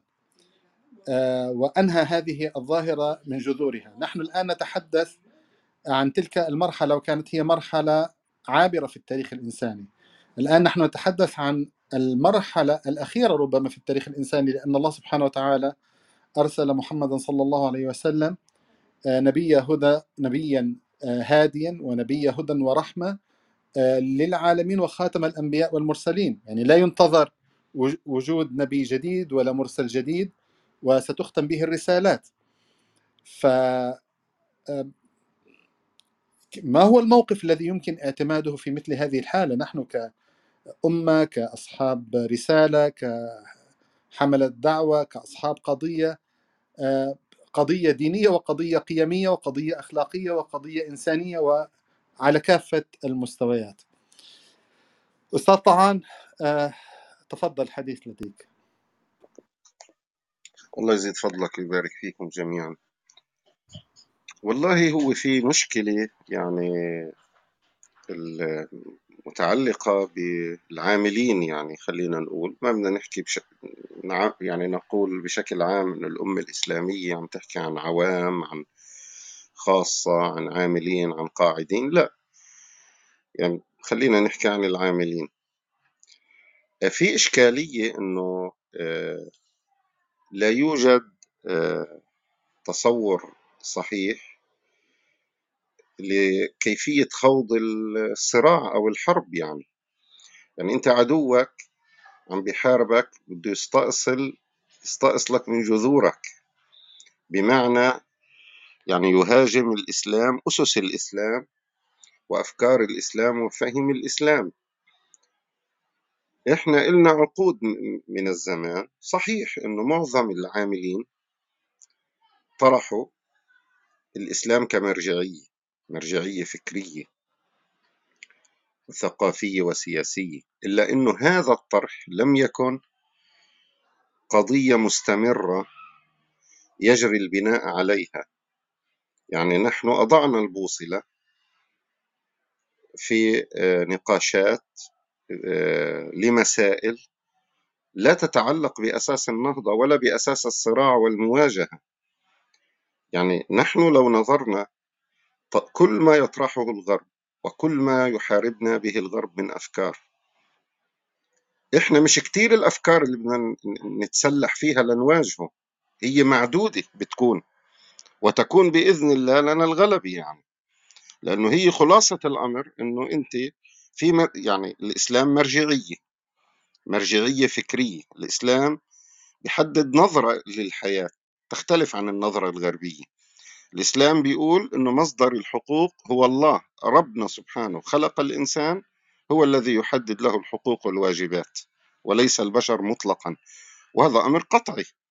الإسلام بيقول حلال وحرام ما بيقول إنه تتصرف أنت بحسب ما آه، يحلو لك أو بحسب ما تراه أو بحسب ما آه، يعني بحسب القيمة المادية فقط وتجعلها الأساس. هناك قيم رفيعة جاء بها الإسلام. إلى طيب. إذا في عندنا جملة أفكار وهي هاي الأفكار نحن التي بحاجة بحاجة إليها لخوض الصراع ومواجهة الحضارة الغربية آه، والأساس الذي تقوم عليه. وهذه الأفكار التي يطرحونها إلا أنه نحن أضعنا يعني الوجهة أضعنا الوجهة مع أنه نحن ندعي أنه إحنا يعني آه، أنه الإسلام هو هو الحق وما عداه باطل إلى آخره. لكن هل خضنا هذا الصراع بالشكل الصحيح؟ يعني مثل واحد مثلا إنه والله في حرب تشارك فيها حاملات طائرات و يعني وطائرات وصواريخ عبر للقارات وما شاكل وأنت تخوض الصراع بعصا مثلا أو بسكين. يعني لا يوجد إدراك لهذه لطبيعة المواجهة وكيف تكون. إحنا تناقشنا كثيرا وأضعنا الوقت الطويل والجهد الكثير آه، بمسائل حتى الآن نجد هذا الأمر يعني. مسائل المسلمين القدامى اختلفوا فيها. كانوا المسلمين عم يفتحوا البلاد والمسلمين اللي هن ببلادهم يعني يتناقشون في مسائل فكرية ثقافية فقهية إلى آخره. لأن نحن وكأننا لدينا وقت للترف يعني. فنتناقش في مسائل لا علاقة لها بالنهضة سواء المسلمون حملوا هذا الرأي أو هذا الرأي. لكن نحن نقول أن مرجعية الإسلام أن تتركز في المسلمين هذا أساس للنهضة. النظرة إلى الحياة كيف تكون هذا أساس في النهضة. النظرة إلى الحياة على أنها حلال وحرام هذا أساس للنهضة. وهذه أفكار من الممكن نحن أن نركز عليها وأن يعني يتم آه، دعوة العاملين للتنبه إلى هذا الأمر ولخوض الصراع على هذا الأساس. وتقديري أنا بيكون الأمر يعني مثمر. يعني نحن نلاحظ أمر أنه المسلمين بالرغم من كل الحرب التي شنها الغرب على عليها في أفكار معينة لا زالت موجودة في الأمة الإسلامية وهذه الأفكار موجودة لأنه هناك من اشتغل على يعني استمرارها وبقائها لأنه فعلا في جهود بذلت من قبل يعني العاملين للإسلام فكان هناك في أفكار منها على سبيل المثال أنه الإسلام مثلا مبدأ لكل شؤون الحياة يعني أنت الآن مثلا عندما تطرح تقول الإسلام مبدأ لكل شؤون الحياة فكرة ليست يعني يأتي من يقول لك لا الإسلام ليس. نعم تجد يعني لكن هذا صار فهم موجود عند الأمة الإسلامية وتقديري أنا أنه الغربيين نفسهم يعني بسعيهم الحثيث لجعل الأمة الإسلامية ترتد عن هذا الفهم وعن هذا التصور فشل. أنه الأمة الإسلامية اليوم آه، عندها هذا التصور أنه الإسلام مبدأ اللي حصل أنه إحنا لو أننا بقينا مركزين على جملة الأفكار اللي هي لا مناص منها ومن إيجادها لتحقيق النهضة. لو بقينا مركزين عليه تقديري أنا كانت ستكون الثمرة أفضل بكثير مما نحن عليه. وأريد أن أختم أنه تصوير أنه الأمة الإسلامية واقع الحالي أنه هي يعني وكأننا نحن نتحدث أنه في شيء مش طبيعي بوضع. السوء اللي إحنا عايشينه أنه في شيء مش طبيعي. لا هو طبيعي وأكثر من طبيعي. اللي مش طبيعي إنه هذه هذا الذي أوجده الغرب تربي الخصب اللي اوجدها الغرب. يعني لإنبات علمانيين وناس مرتدين وناس تتحلل من الحلال والحرام والى آخره. أن تجد من يسأل عن الحلال والحرام. أن تجد من يقول من يقول الإسلام بديل أن تجد من يقول الإسلام حق وما عداه باطل أن تجد بالعكس هذا الذي ممكن إنه الواحد يعني ينظر له من زاوية معينة فيجد لا إنه في خير بهالأمة هاي ممكن يبني عليه الواحد ويشتغل الشغل الصحيح المركز الهادف آه، وهيك فينا نحن نحصر يعني جهدنا ونحصر طاقتنا ونحصر وربنا سبحانه وتعالى يعني هو الموفق والله أعلم. أشكرك أستاذ طعان يعني هو في شيء آخر آه، يعني لا يتناقض مع اللي تفضلت به إنما هو متمم له. آه، إن هناك قاعدة تقول آه، من أمن العقوبة أساء الأدب. والغرب بطريقة تعامله تحديدا مع الإسلام والمسلمين سواء في الغرب في ذات الغرب أم في بلاد المسلمين. يجد نفسه أنه لديه الضوء الأخضر والإمكانية ليفعل ما يشاء ولذلك يأخذ راحته. هو لو لاحظ للحظة واحدة أن هناك إمكانية لإغلاق مثلا سفاراته أو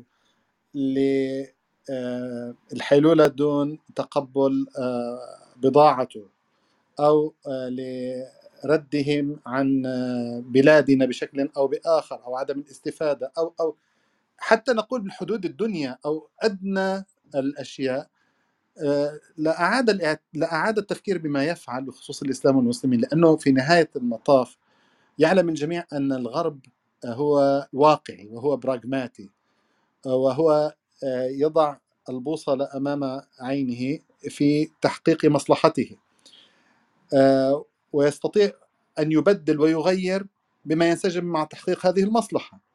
لذلك لاحظ أننا الآن مثلا بايدن تعهد بمحاسبة قتلة خاشقجي والنيل من محمد بن سلمان آه، بنفسه ومشاكل.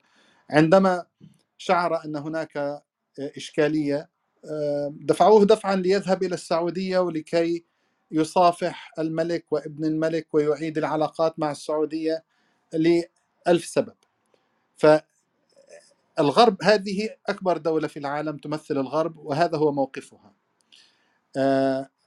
كم حاولوا حتى مع حركة طالبان في أفغانستان عندما أرادوا الخروج من من أفغانستان أرادوا أن يفرضوا قيمهم آه، لآخر لحظة.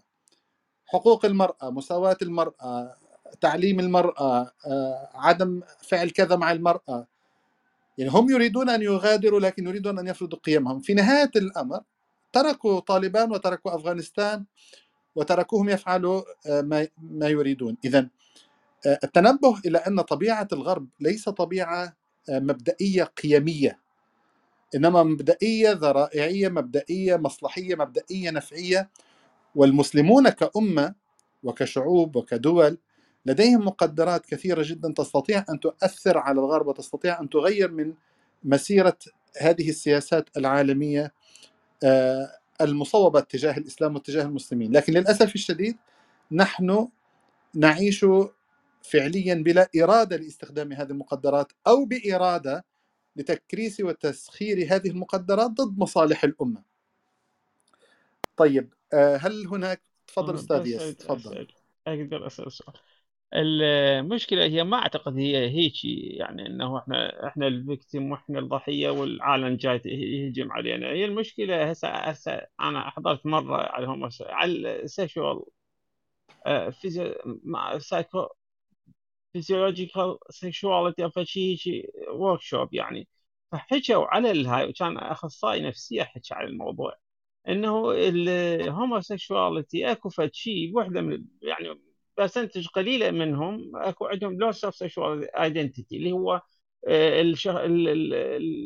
ال identity العنوان أو شو يسمونها؟ الهوية الجنسية مفقودة نسبة قليلة من من ال homosexuals فهذه معتبرينها فد شيء هو هو فاقد فاقد للهوية. ففاقد للهويه أنت ما تقدر بعد تجلده وتقول له يابا أنت هويتك هيجي. آه يعني هي فد فد bless فد رحمة نعمة من الله سبحانه وتعالى ينطينا هاي ال identity إن إحنا ميل الجانب الآخر في males يصير attraction يصير آه يعني رغبة أو فد آه، انجذاب واحد للآخر. هاي نعمة موجودة عند عند الأغلبية.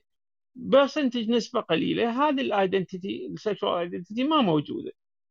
فاقد هاي النعمه فهذا فاقد للنعمه ما نقدر إحنا نحاسبه إنه تعال أنت يابا ليش أنت شاذ؟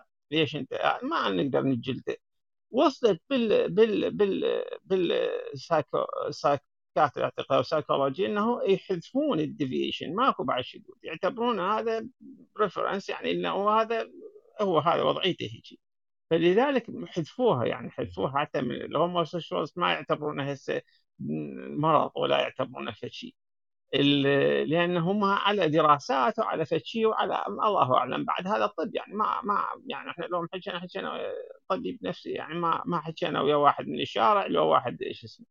فقلنا يا شلون تتعامل هسه؟ الآن شلون تتعامل ويا الموضوع؟ يعني واحد جاب لك مثل ابن الله يكفينا الشر يعني مصيبة هي. فشلون تتعامل؟ قال أنا والله قل لهم يعني إنه هذه بعد بس تقر بالبرلمان هاي هي. هو من باب السخرية ومن باب يعني هيك. آه، المشكلة إنه هسه أكو تقبل حتى من الجانب الطبي. يعني الجانب الطبي مو بنسبة قليلة لأنه هذول عندهم أكو مرض مو مرض وانه عندهم هذا اللوس. عرفت شو اللي هم ما نقدر نحاسبهم لأنه مو هي عبارة إنه شو هو وهم جاي يسوون فد شيء لا هم هم هو هذا فما أعرف إذا انه حقيقه آه، دكتور إيهاب تفضل كان لديك شيء. آه نعم أنا بس حبيت بغير النقطتين أنت كنت بتتكلم فيها واللي كان بيتكلم فيها اللي كان بيتكلم فيها أبو مصطفى. آه يعني آه اصرار ديزني مثلا على نشر الشذوذ آه في العالم وعلى نشره في السينمات علنا في بلادنا أو مظاهرات الشواذ في في في, في بلادنا ديت ما هياش أعراض لمشاكل اجتماعية في بلادنا. دي أعراض للتعفن آه، الاجتماعي في المجتمع الغربي. والتعامل معها آه، ما بيكونش بالبحث عن آه، علاج للمشاكل الاجتماعيه في بلادنا. التعامل معها بيكون بإدراك إنه ديت من مظاهر الاستعمار الغربي والعلو الغربي في بلادنا وإنه العلاج هو موجه الاستعمار الغربي لأنه أساس المشكلة وديت مجرد أعراض له. ابتداء من أصابعه اللي هي الأنظمة الحاكمة في بلادنا وانتهاء بسيدها المستعمر اللي وراها اللي اللي بيبعتها عشان تنشر السفاله دي في بلادنا. فالعلاج مش نحن نتوه وراء آخر صرعة جديدة طلعت مع الغربيين في آه، نشر السفاله والفساد يعني. العلاج إنك أنت تفضل في موضوعك بالضبط. موضوعنا بالضبط هو إن إحنا تحت الاستعمار الغربي والاستعمار الغربي هذا آه، بيدمر في في في بلادنا اقتصاديا واجتماعيا وانسانيا. بعد ما دمرها سياسيا. وإنه العلاج هو إخراج المستعمر الغربي واذياله الحاكمة في بلادنا. بس. جزاكم الله خير. تمام. آه، دكتور رياض هل لديك أي تعليق بالنسبة للي قاله الأستاذ ياس؟ إنه هذه مسألة طبية والأطباء بيقولوا إنه هذه ليست حتى مرض نفسي ولا مرض جسماني ولا مرض آه، من يحزنون. إنما هي حالة يجب أن. أن يتم تقبلها وهي ميول فطرية و... ومشاكل. ما بالرغم من إدراكي أنه ما قلته أنت أهم من ذلك وأعم من ذلك ويتعلق بالظاهرة وشيوعها والجرأة على نشرها وفرضها في المجتمع وهذا هو حقيقة محل البحث في جلستنا اليوم. لكن كونك أيضا طبيب ومختص لا أدري إذا كان ممكن أن تفيدنا في هذا الجانب. أنا بحكي فيها مش كأخصائي يعني. يعني اطلاع بالموضوع اطلاع عام بس من ناحية فلسفية. إنه يعني هو الشذوذ قبل ما استخدم اللفظ لأنه بجوز الناس راح يزعلوا من اللفظ بس إنه في شيء بنسميه بالفلسفة في شيء بنسميه إحنا طبيعي وفي شيء آه، حسب آه، يعني حسب ما تقتضيه طبيعة الإنسان خلينا الشيء الطبيعي يعني معنى آخر إذا ولد الطفل يعني يعني فاقد يدين ورجلين هل هذا نعتبره إعاقة؟ أو شيء طبيعي. إذا السؤال هو أنت شو تعرف لكلمة طبيعي؟ إذا بتعتبر الطبيعي هو ما أتت به الطبيعة يعني شيء اوجده الطبيعة بدون أي مؤثرات خارجية فممكن تحصل إعاقات طبيعية. يعني بمعنى آخر تصبح بهذا الديفينيشن يصبح الإعاقة شيء طبيعي. لأنه هو منتج أنتجته الطبيعة كما أنتجت الشيء الآخر. يعني ما في فرق بينهم. يعني نستثني الحالات اللي بيكون لها سبب مثلا دواء معين أو كذا. فالقصد الآن هنا لما نقول مثلا إنه المثلية أو الشذوذ الجنسي له سببين رئيسيين له من ناحية فلسفية الآن بتكلم يا أمر طبيعي يعني يولد في الانسان بشرحها كيف أو العادة الإنسان لم يكن كذلك وتعود عن طريق مثلا تعود أمور معينة عن طريق الطفولة أو التربية أو كذا يعني يصبح عنده متعود على هذا الفعل. الآن نرجع لفكرة ال- الآن الطبيعي هذا. الفكرة إنه يعني هو ليس بحسب ما تقتضي طبيعة الإنسان، ليس هكذا طبيعة الإنسان، هل هو بهذا المعنى؟ لا ولا يعني it's not according to nature يعني هذا لم لم يصدر بما يتناسب مع طبيعة الإنسان، أما هو م- هل في ناس فيهم هذا الميل بشكل طبيعي من تركيبة جسمه بغض النظر يعني جي- جينيا أو جينيا مش مش مهم. عندي لأنه في شيء في الجينيه يعني هذا من ضمن تخصصي اللي بيسموها ال epigenetics يعني مش هو environment ولا هو genetics في في شغلة اسمها ال epigenetics اللي هي ما يعني ما فوقه أو ما ما يحيط اللي هو اللي هو بمعنى آخر المحيط أو الظ- الظروف الخارجية التي تتحكم فيها الجينات. لأنه أحيانا الجينات تنتج أمور تصبح آه، ظروف خارجية لأمور أخرى. آه، ال- النقطة اللي فكرة إنه اللي بيهمني في الموضوع هذا هل ممكن أن ينتج الإنسان فيه هذا بشكل نعم يعني ما من ناحية فلسفيا بتكلم لا. واحد يجي يناقشني في طبيا آه، يعني يحكي مع أهل الاختصاص أنا لست أهل اختصاص. أما فلسفيا نعم. الفكرة إنه آه طيب آه اللي هي مثلا أنا كيف ممكن يعني زي ما حكينا كأنه إنسان ولد عنده إعاقة أو يعني لم يعني لم يعني ليس عنده أربع عنده أربع أصابع أو عنده ثلاث أصابع أو كذا. هذا ان شيء أنت إذا لم يكن الام مثلا مأخذ الدواء أو علاج أو خلل جي- جيني أو كذا يعتبر صدفة أمر عشوائي نتج هذا الشيء هو شيء أنتجته الطبيعة. هل هذا الشيء أنتجته حسب طبيعة الإنسان بما يعني according to the human nature no. لأنه according to the human nature الولد بيجي معه خمسة أصابع. ماشي؟ أما هل هو شيء يعني ممكن أن ينتج يعني نتيجة ترك ترك ترك يعني يعني مركبات معينة تركيبات معينة في الجسم يطلع إنسان عنده هذا الشيء.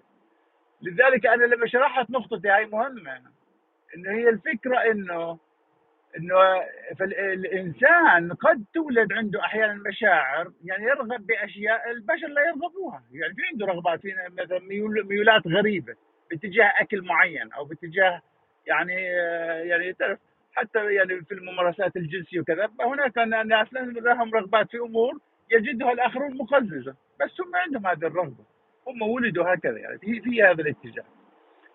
الآن هل الإنسان يعني عنده قدرة على يعني مواجهة هذه الأمور والتعامل معها؟ عنده قدرة نعم عنده. هاي الفكرة إنه إنه لازم تجتمع الشروط الثلاثة حتى تخرج الأمور عن السيطرة لانك ترغب في أمور أكثر أكثر مما ينبغي. بكمية أكثر مما ينبغي بكيفية أكثر مما ينبغي. هون بصير الخلل طبعا خارج عن السيطره اللي بسمينا إحنا الشر المحض اللي يجب أن يواجه. آه لكن النقطة برجولها إنهم كل الناس يعني كل المثليين هم بهذا لا مش ممكن لا ليس كلهم. لأنه هو معروف إنه في ناس يولدوا بشكل طبيعي يعني according to nature وممكن عن طريق مثلا تعرضهم ل- ل- لاغتصابهم أطفال وكذا يتعودوا عادات معينة يصبح هذا الأمر عن طريق التعود يعني. فممكن عن طريق الطبيعة ممكن عن طريق التطبع يعني. آه الإنسان يحصل على هذا على هذا ال- الشيء. الآن النقطة بالضبط النهايه هل هذا شيء according to the human nature يعني؟ هل طبيعة الإنسان تقتضي إنه يوجد هيك؟ لا. لذلك البشر كلهم يكونوا مواجهين هذه الطبيعة إنه هذا شيء. يعني لما يولد طفل عنده آه، فاقد يد كنا بنحط كل الإمكانيات عشان نواجه هذه الحالة إنه في خلل يوجد خلل لازم نواجهه لازم يعني مساعدة هذا الطفل لأنه آه، عنده يعني خلل وظيفي آه، يخل بوظيفته يعني أحد الأعضاء. هاي الفكرة كلها. هم طبعا يرفضون هذه الفكرة يعني مجرد أنك تقول إنه هذا يعتبر خلل الذي وجد هذا شيء خلل ويجب يعني ممكن نعالجه أو نساعده أو كذا مرفوضة طبعا.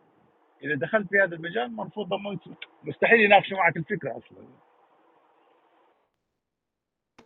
طيب أشكرك. أنا بس عندي سؤال آه، أستاذ حسن. بس أست- عندي أستاذ سؤال هل عندنا إحنا برامج بس. برامج نعم. أستاذ ياس بس لو سمحت ابن الخطاب ينتظر منذ فترة. تفضل أخ نعم أستاذ ابن الخطاب. نعم السلام عليكم على الحضور. عليكم السلام.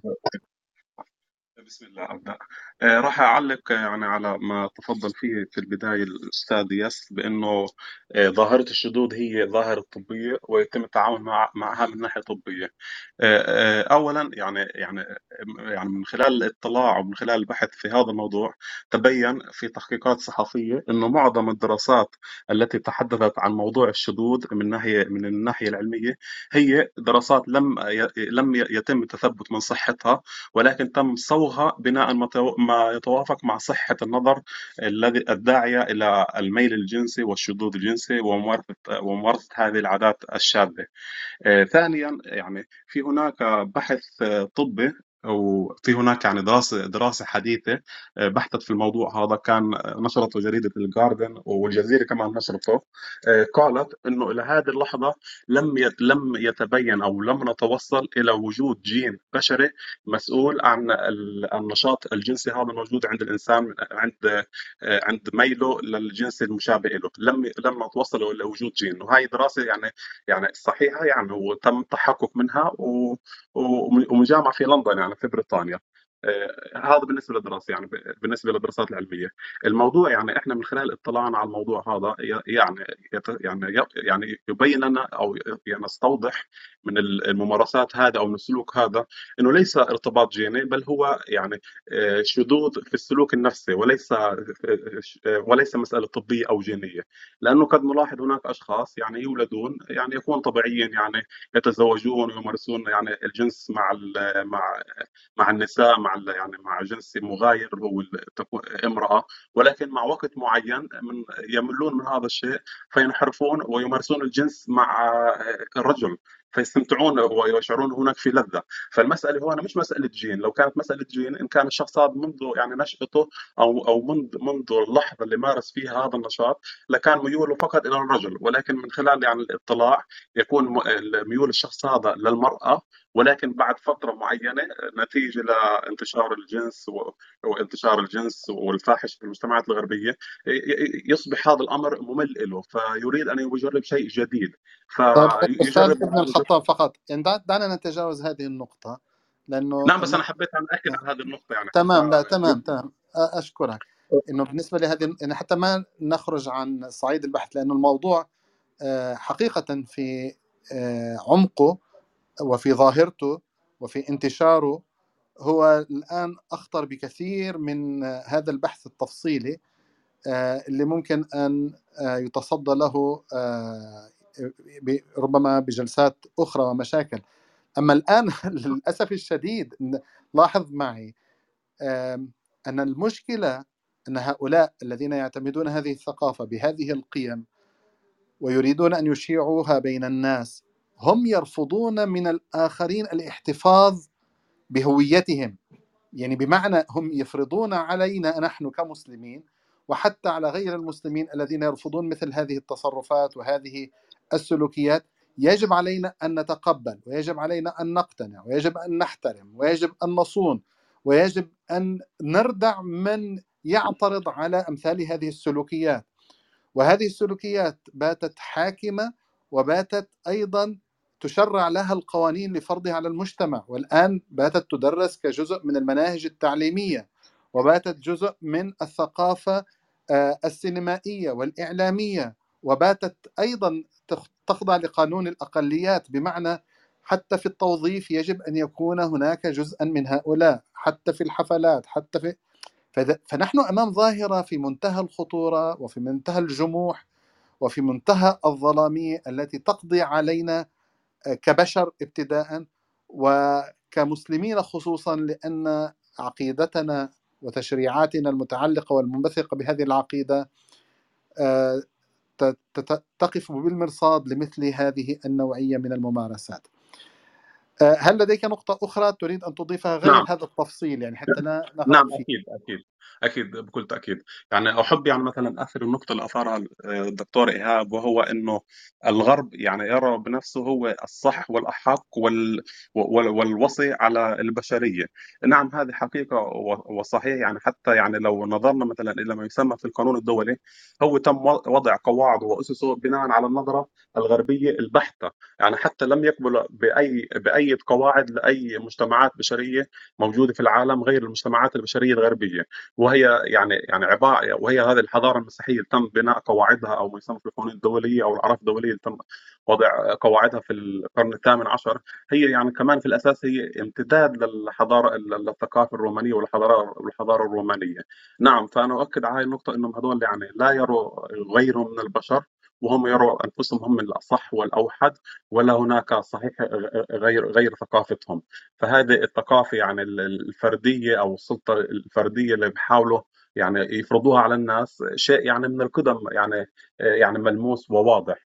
ولكن الشيء يعني الغريب في الأمر يعني اللي أنا حتى ألاحظه إنه إنه المرحلة اللي وصلها المجتمعات الإسلامية تقبل لتقبل هذه الأفكار، يعني في القديم يعني لما كانوا يأتوا مثلا بفكرة غريبة عن المجتمعات كانوا يصوغوها بما تتناسب مع هذه المجتمعات، يعني لما أتوا مثلا في الديمقراطية حاولوا صوغ هاي الفكرة يعني بطريقة تناسب المجتمع الإسلامي، إنه الديمقراطية من الإسلام والشورى وإلى ما شابه حتى يتم تقبلها، ولكن الغريب الآن بالأخص يعني بال 20 سنة الأخرانيات أو ال 15 سنه الأخرانيات. إنه يتم يعني يعني يعني فرض الأفكار يعني بصورها الحقيقية وبالصور اللي خرجت من من الثقافة المخالفة ويعني وبطريقة يعني لا نرى أي اعتراض من المجتمعات الإسلامية. يعني إحنا لما مثلا نسمع إنه في هناك تجمع كان في رام الله تجمع للمثليين ويدعو للمثلية وكذا وما في هناك اعتراض من المجتمع في هناك تقبل يعني يعني ما فيش أي اعتراض التقبل عادي فالأمر غريب. يعني هذا الشيء ما كان لا يحدث من 30 سنة أو 40 سنة لأنه ليس من السهل إنك تمرر هذه الأفكار. فهذا يعني أنا السؤال أتساءله أتساءله. يعني إلى أي نقطة وصلنا إحنا كمجتمعات يعني إسلامية إلى تقبل الأفكار التي تعارض ديننا وتعارض ثقافتنا وعقيدتنا؟ إلى أي مرحلة؟ هل هل يعني إحنا قريبين من النقطة التي وصلها الغرب في قبول أي فكر يتم إدخاله على مجتمعهم؟ أم ما أم أم لسه ما زلنا بعدين على هذه النقطة اللي وصلها الغرب. ولكن لما لاحظ لا إنه لا إنه الأفكار يعني يتم مثلا إدخالها لمجتمعاتنا من دون أي اعتراض. حتى يعني يعني يعني الداعيين أو الحاملين هذه الأفكار يعني بنشروا بأفكارهم يعني من دون أي خوف من دون أي رهبة يعني بحرية بيمارسوها وهم يعني يعني دعاة الإلحاد أو دعاة الشذوذ أو ما هذا فهم يعني يعني في واقعهم هم يعني أنذل وأنذل من من المستوى يعني اللي ممكن يعني تطرح فيه الأفكار وتدخل التح... تواجه مجتمع وتتحدى مجتمع وتتحول تتحدى السلطة. فهون التساؤل لاي مرحلة وصلتها مجتمعاتنا؟ شكرا. سؤالك مهم جدا. ممكن اجاوبه لو سمحت بس بس بس بدي بس أضيف شغلة بسيطة وأترك لك الكلام دكتور إيهاب. إنه نحن وصلنا إلى درجة إنه مش آه إلى أي مدى مثلا ممكن آه أن نتقبل مثل هؤلاء أو نسمح لمثل هؤلاء أو ما شاكل. نحن في حالة خرس غير طبيعي يعني لما الأزهر بجلالة قدره لا يتحدث بمثل هذا الموضوع أو يتصدى له. آه رابطة العالم الإسلامي دوائر الإفتاء في أكثر من خمسين دولة وهكذا دواليك والعالم وتشيع الفاحشة بين المؤمنين وتخرج المظاهرات المطالبة بالتساوي بالحقوق بين الذكران والإناث وحقية المثليين وغير المثليين ولا أدري ماذا. كل هذا يجري على قدم وساق والكل في حاله خرس فنحن في حال فعلا في حال مزري. تفضل دكتور إيهاب. حسنا المظاهرات ديت مش دليل على تغير في في المزاج الرأي العام الإسلامي هي دليل على عري الأنظمة. يعني الأزهر الساكت ده ساكت لأنه سيده بيسمحلوش يتكلم وسيده بيسمحلوش يتكلم لأنه سيده الغربي مش سامح له يتكلم. فالسيد الغربي مصر على عميله المحلي انه يمشي عريان وعميله المحلي قرر قرر إنه يمشي مشايخه عريانين كمان. فده يعني مؤشر على الصعود الغربي مش على تقبل المجتمعات في بلادنا. ثانيا ليه الناس بتواجهش السفالة؟ ما هو يا أخي هو أصلا فيهم حيل كانوا مثلا المخبرين بتوع عباس المخبرين بتوع عباس بيتأمروا صراحة مع إسرائيل. يعني هو لو طلع في إيده كان واجه المخبرين بتوع عباس بس هو مش طلع في إيده. فاللي حصل مجتمعاتنا في حالة إنهاك مش في حالة تقبل. وفي حالة يعني وال- وال- واللي بيعمله الغربي هذا بيستفز فيها بزيادة. فالدنيا دي ماشية في اتجاه صدام صدام مشتعل بس. مش تقبل. أنا مش شايف تقبل. يعني أنت فين مثلا بتشوف المسلمين بيتقبلوا الكلام ده؟ أو بيقولوا آه والله مزبوط أو حتى مشايخ النظام بيطلع يقول لك والله الكلام ده فيه وجهة نظر. ما هو ملوش عين. ف- نعم أستاذ إيهاب. يعني لو لاحظنا مثلا في دول مثلا زي روسيا ودول شرق أوروبا يعني يعني المنتشر فيها الثقافة الجنسية والجنس بأكثر حتى من دول غرب أوروبا. ولكن مع ذلك يعني مثلا لو رأوا أي نشاط مثلا للشذوذ الجنسي بتم مهاجمته والاعتداء عليهم دي مسألة فما دي مسألة بيكونوا في الحضارة الغربية. وانت مش مدركها مسألة في الحضارة الغربية. العنصريين البيض بيحاولوا يثبتوا إنهم آه، اخلاقيا أفضل من الليبراليين المنحرفين بأنه إحنا ما بنمشيش في الشذوذ إحنا شغالين في الموضة القديمة بتاعت بس الزنا. فدول ما هدول جماعة بوتين العنصريين البيض ان جنرال أو على العموم يعني. فأنت حاليا عندك دلوقتي ال- الخيارات في الحضارة الغربية ما بين المحافظين اللي شغالين في آخر موضة من السفالة والليبراليين اللي شغالين في الموضه القديمه من السفالة. بس. مش. أكثر يعني. ذكرني الدكتور إيهاب لما إجا ترامب على الحكم لأنه هو أيضا من فئة المنحلين لكن ليس مناصرا للشاذين. يعني يعني نحن وقعنا بين بين طرفين آه، يتنافسان في الشر والعياذ بالله. طيب تمام. نحن وصلنا إلى نهاية الوقت وأظن أننا غطينا آه، غالب المحاور أغلب المحاور إن لم بس يكن جميع أستاذ طيب حسن. أنا بس اريد أحكي على ال... بس على بس وجاءه قومه يهرعون إليه ومن قبل كانوا يعملون السيئات. قال يا قوم هؤلاء بناتي هن أطهر لكم. فاتقوا الله ولا تخزوني في ضيفي أليس منكم رجل رشيد؟ يعني حتى قمة ال... ال... ال...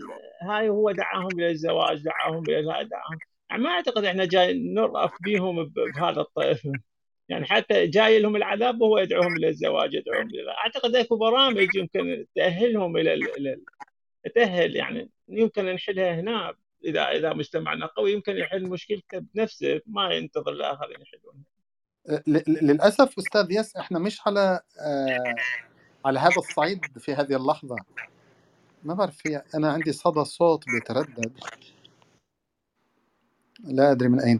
المهم المشكلة مش إنه في عندنا إحنا م- الم- ال- المفارقة تكمن في أنه لا توجد لدينا نحن أصلا آه، حالة تقول أن لدينا مشكلة ونريد أن نعالجها وكيف نعالجها؟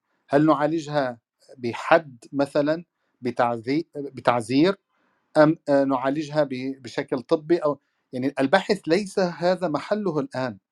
البحث هم يقولون لنا أنتم يجب أن تخضعوا لنا ويجب أن لي- ليس فقط أن تخضعوا لنا يجب أن تقبلوا أن الأب اسمه جاك والأم اسمها بيتر وإنه هيك الدنيا طبيعي وهيك ماشي وإذا أنت ما بتقر بذلك أو بتقول لابنك إنه ما بينفع يكون الموضوع هيك فأنت بدك تتعاقب وأنت آه، ممكن تطالك آه، آه، عقوبة تصل إلى درجة السجن وما شاكل يعني أنت الذي تحاكم الآن وليس هم. يعني نحن نحن تناولنا الظاهرة في قمة التطرف وهي تسير عكس الفطرة البشرية ويريدون فرضها قيميا وقانونيا.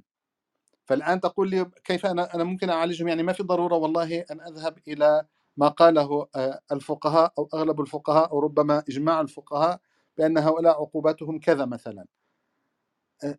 هو حد طارح هذا الموضوع أصلا من باب يعني من باب عملي. في حد من البلاد الإسلامية طارح إنه نحن يجب أن نتعامل مع هذه الظاهرة على هذا النحو أو ذاك. نحن نقول أصلا في هناك حالة خرس رسمي موجودة في العالم الإسلامي. الآن المسلمون الم- الآن المسلمون فعليا في حالة كيفية في حالة دفاعية وليس في حالة آه، سيادة وفرض القيم وفرض للأسف الشديد نحن في حال في غاية السوء للأسف أقول. فلذلك الذي الذي يشفق عليه الآن هو نحن وليس هم. على جميع الحالات. لا أدري هل هناك أحد لديه في 30 ثانية؟ نعم. تفضل نعم. أستاذ ماهر تفضل. ال- ال- الحقيقة يعني آه، طبعا أنا غاب عني كثير من البحث في هذا الموضوع لعلي أعود إلى التسجيل إن شاء الله. إلا أنه آه، يبقى هناك عندي تساؤل هذا التساؤل لابد من الإجابة عليه. آه، سواء آه، يعني في في هذا الحوار أو لاحق لاحقا في حوارات أخرى. إنه نعم هذه قضية ظهرت هذه ظاهرة جديدة ظهرت ودبت في العالم الإسلامي. الآن لابد من دراسة مدى آه، تشكيل هذه الظاهرة كعقبة أمام مشروع النهضة. آه، النقطة الثانية آه، اللي هي كيفية التعامل مع هذه الظاهرة ك يعني من من مشروع النهضة نفسه كيف بده يتعامل مع هذه الظاهرة؟ يعني هذا مجرد تساؤل لعله إنه يكون في إجابة عليه سواء الآن أو لاحقا. بارك الله فيكم. أشكرك أستاذ ماهر. تمام. في أحد يريد أن يتطرق إلى أي تعليق أو مداخلة أو إجابة لكن بإيجاز لأننا تجاوزنا الوقت المرصود لهذه الجلسة. آه، يبدو أن الجميع قد اكتفى آه، بما أورد. إذا أنا لم أكن أستطيع أن ألاحظ أن أحد يريد أن يتداخل يستطيع أن يفتح المايك ويتداخل مباشرة لأنه يبدو أن هناك مشكلة في تطبيق الكلب هاوس. إذا لم يكن هناك من مداخلة فننتهي عند هذا الحد إن شاء الله.